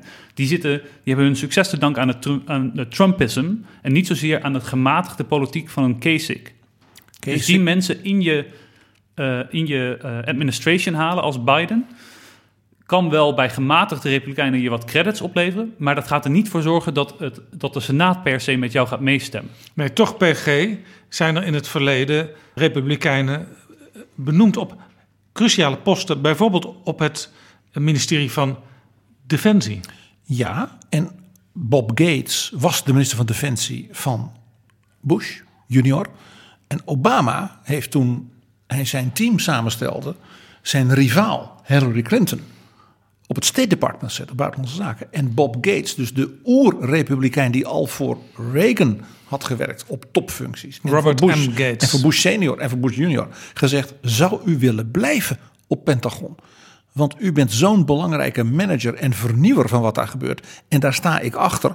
En daarmee laat ik ook zien dat ik dus breder kijk dan alleen de smalle aanhang in mijn eigen partij. En Bob Gates heeft gezegd: ik doe het.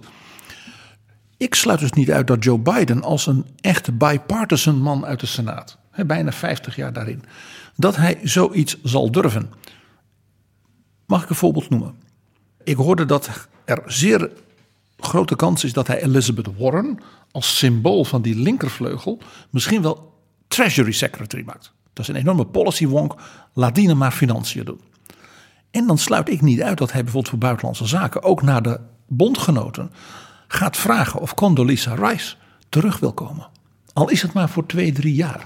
Om te laten zien, die internationalistische koers. Ja, Condoleezza Rice, minister van Buitenlandse Zaken onder Bush Jr. En een belangrijk adviseur op het gebied van met name ook Rusland, dat is dus heel pikant, van zowel president Reagan als president Bush senior.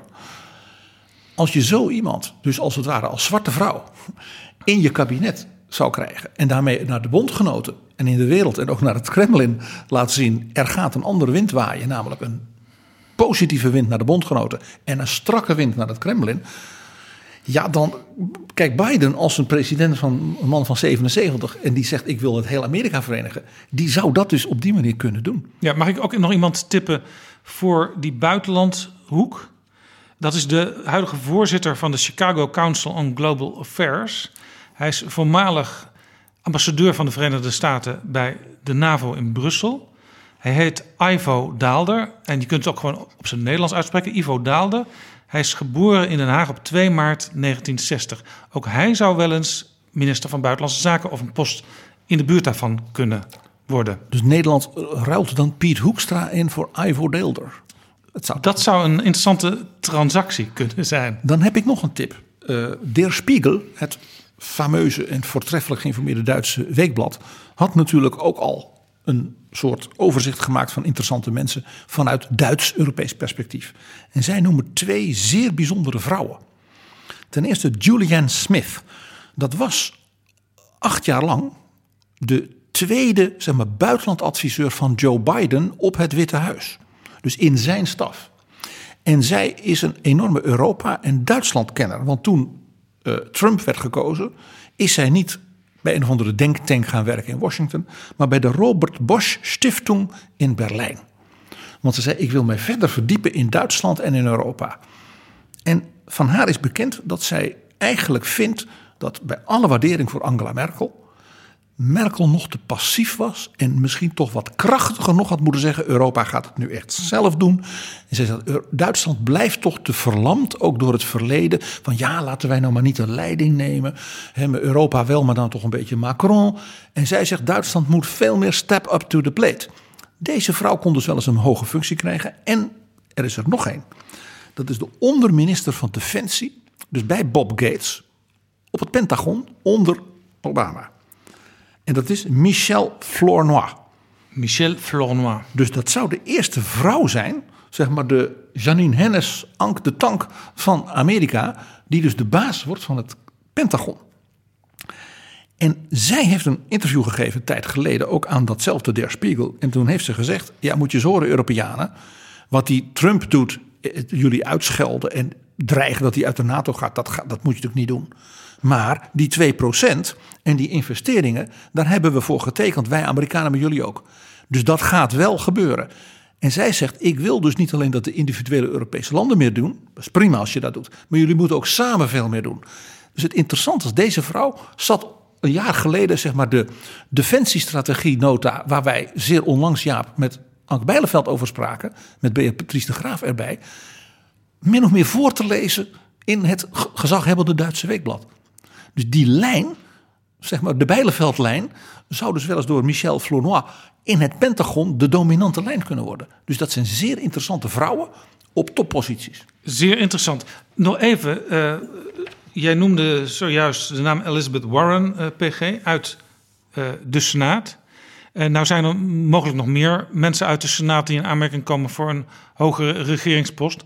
Dat kan natuurlijk meteen wel weer een probleem opleveren, omdat dat de precaire balans, die we nog niet precies kennen, in de Senaat ook weer in gevaar kan brengen. En dus de steun voor de president vanuit de Senaat. Dus niet iedereen is zomaar te benoemen, zou je zeggen. Ja, ik denk dat een goed voorbeeld hier in de afgelopen termijn van was Jeff Sessions, die bij Trump ging werken, daardoor zijn senaatzetel opgaf. En tot er toen uh, een uh, verkiezing was in Alabama, Waar, uh, een van, waar de Republikeinse kandidaat en door Trump omarmd uiteindelijk in allemaal schandalen kwam. omdat hij naar, naar mensen had zitten kijken in, in, winkelcentra. En, ja, naar, naar, naar tienermeisjes. Ja, ja, in ieder geval was die pluis. En toen is zelfs in Alabama het gelukt, uh, is het een democraat gelukt om daar verkozen te worden. Uh, helaas natuurlijk, voor, voor die beste man was het dit jaar weer over. Want hij mocht alleen de termijn afmaken. Maar het laat wel zien tot dat gevoelig kan zijn. Zeker als je niet zeker weet wie de vervolgende kandidaat wordt tijdens de opvolgende verkiezing. Ja. Maar Elizabeth Warren uit Massachusetts ik denk dat ze daar nog wel weer een goede democraat kunnen vinden. Um, nog even één vraag over die Senaat. Want de Senaat heeft natuurlijk een, een uh, soort goedkeuringsrol ook bij belangrijke benoemingen. Dus Mitch McConnell, die we natuurlijk kennen als iemand die pal stond de afgelopen jaren voor alles wat Trump er doorheen wilde jassen. Nou, vooral waar hij, wat hij zelf er doorheen wilde jassen en Trump dat dan maar had te volgen. Dus conservatieve rechters, daar ging het vooral om. Die Mitch McConnell kan ook nu weer een belangrijke rol spelen.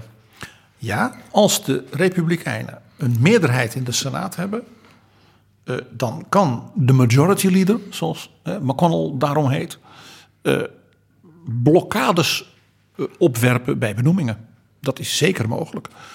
dus voor president Biden zal het zaak zijn om die individuele republikeinen, die toch wat meer op die bipartisan lijn zitten, mensen als Mitt Romney, als mevrouw Collins, mevrouw Murkowski van Alaska, om die ja, te bewerken. Uh, misschien zelfs wel beloften te doen. Misschien te zeggen, doe nou mee in een meer bipartisan lijn. Maar dat, dat kon wel eens heel, heel, heel lastig worden, ja. Nu is wel de, traditie tot op heden en ook voor Trump, die had natuurlijk wel de Senaat mee, maar dat uh, cabinet positions over het algemeen redelijk makkelijk gevuld worden, tenzij er echt sprake is van ja, dingen die heel dubieus zijn. Omdat het natuurlijk geen benoemingen zijn voor het leven. Die zijn ook gelijk weer weg op het moment dat de, de, er een nieuwe president zal zijn.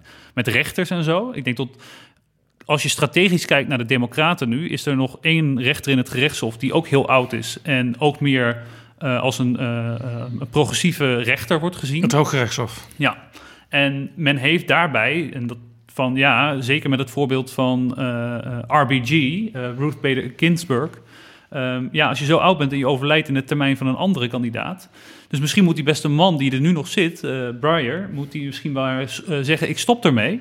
Maar ja, goed, zolang de Democraten de Senaat niet mee hebben, krijg je dus precies hetzelfde feest wat we de afgelopen maanden hebben gehad. Tot Mitch McConnell gaat zeggen: van dat zal allemaal wel, maar dat gaat gewoon niet gebeuren. En ik zie hem er prima voor aan om weer de norm anders, de lat anders te leggen om het te frustreren. Tot slot, uh, PG, het viel al eerder in dit gesprek de mogelijkheid om te pardoneren, de pardons. Ja, uh, Trump heeft natuurlijk wel uh, een aantal maatjes waar hij misschien uh, toch even te hulp moet schieten. Ja, en ik ga er eigenlijk van, van uit dat Trump ook onder zijn donateurs minstens zulke shady mensen heeft als Bill Clinton met die Mark Rich en zijn voormalige echtgenoten. Dus wat dat betreft gaan we nog, denk ik, wel dingen beleven. Nou ja, ja denk eens aan Paul Manafort. Ja, die zit gewoon in de gevangenis die dus allemaal rare dingen deed met, in Oekraïne. Uh, min of meer op last van de oligarchen van Poetin. Ja, het, ik, elke keer als ik het weer vertel, dan denk ik: het is toch een ongelooflijk verhaal. Maar denk ook aan Steve Bannon. Steve Bannon zit dit, op dit moment in een soort eindfase van een rechtszaak. Waardoor hij misschien wel twee, drie jaar de gevangenis in moet. En die de afgelopen dagen nog de meest vreselijke dingen heeft gezegd. Ja, nou dan hebben we nog Roger Stone. Die is geloof ik al een soort pardon gegeven, maar dat is volgens mij nog niet voor alle zaken die lopen. Uh, nou, dan is er nog de zonen van Trump, die, voor wie er uh, met name in New York zakelijk allerlei buitengewoon lastige dingen lopen. Uh, nou ja, je hoort het al. dit zijn nog alleen maar de namen die we kennen. Uh, en dan zijn er misschien nog onder die donateurs en dergelijke ook nog wel wat mensen. Uh, Kanye West bovendien, die moet je niet onderschatten. Die heeft waarschijnlijk ook nog een hele lijst van rappers en dergelijke die ook in de gevangenis zitten. Uh, waar Trump al vaker van heeft gezegd: ik ga die mensen gewoon vrij spraak geven. Wie weet wat we nog gaan meemaken. Het aller, allerlaatste gerucht wat in Washington rondgaat. Want ja, die zonen van Trump en Ivanka en Jared en ook hij zelf lopen natuurlijk gevaar. Dus het gerucht gaat nu dat Trump op 19 januari aftreedt als president. En dan nog één dag Mike, Mike Pence. Pence. En die geeft dan Trump een presidential pardon. Laten we hopen dat de ontluistering van het Amerikaanse systeem niet zo ver zal gaan. Het is een film. Ja, als dit zou gebeuren, dan is het toch echt wel Godfather 4. En laten we tot slot nog even luisteren naar Bill Clinton, die zich herinnerde dat hij een briefje vond van zijn voorganger, de oude Bush, in de la van de desk waarachter die acht jaar lang als president zou zitten. Mr. President, I wonder, would you mind reading a part of that note? Yeah, I, love that that bold letter. here. It said, um, I wish you great happiness here. There will be tough times made even more difficult by criticism you may not think is fair. I'm not a very good one to give advice, but just don't let the critics discourage you or push you off course. You will be our president when you read this note. I wish you well. I wish our, your family well. Your success is our country's success. I'm rooting hard for you. How did you feel when you received that letter? I thought it was vintage George Bush. I thought he meant it, but I also thought he was trying to be a citizen in the highest sense of the word. It was profoundly moving to me personally.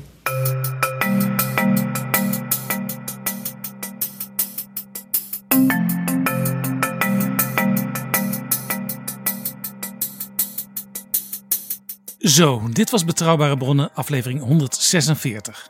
In de beschrijving van deze podcast vind je links naar eerdere afleveringen. Deze aflevering is mede mogelijk gemaakt door We Nederland en natuurlijk door donaties van luisteraars via de site vriendvandeshow.nl/slash bb. We stellen het zeer op prijs als je met een donatie, klein of groot, je waardering voor betrouwbare bronnen kenbaar wil maken. Ga dan naar vriendvandeshow.nl/slash bb. En als je echt veel geld te besteden hebt, misschien heb je een interessant product, dan is het mogelijk daarvoor in deze podcast te adverteren. Sponsoren van meerdere afleveringen kan ook. Neem daarvoor contact op met Flip Kilian Adams. Zijn adres is flipapenstaartdagennacht.nl flipapenstaartdagennacht.nl Het maken van deze aflevering was ons weer een waar genoegen. Tot volgende keer. Betrouwbare bronnen wordt gemaakt door Jaap Jansen in samenwerking met dag en nacht.nl.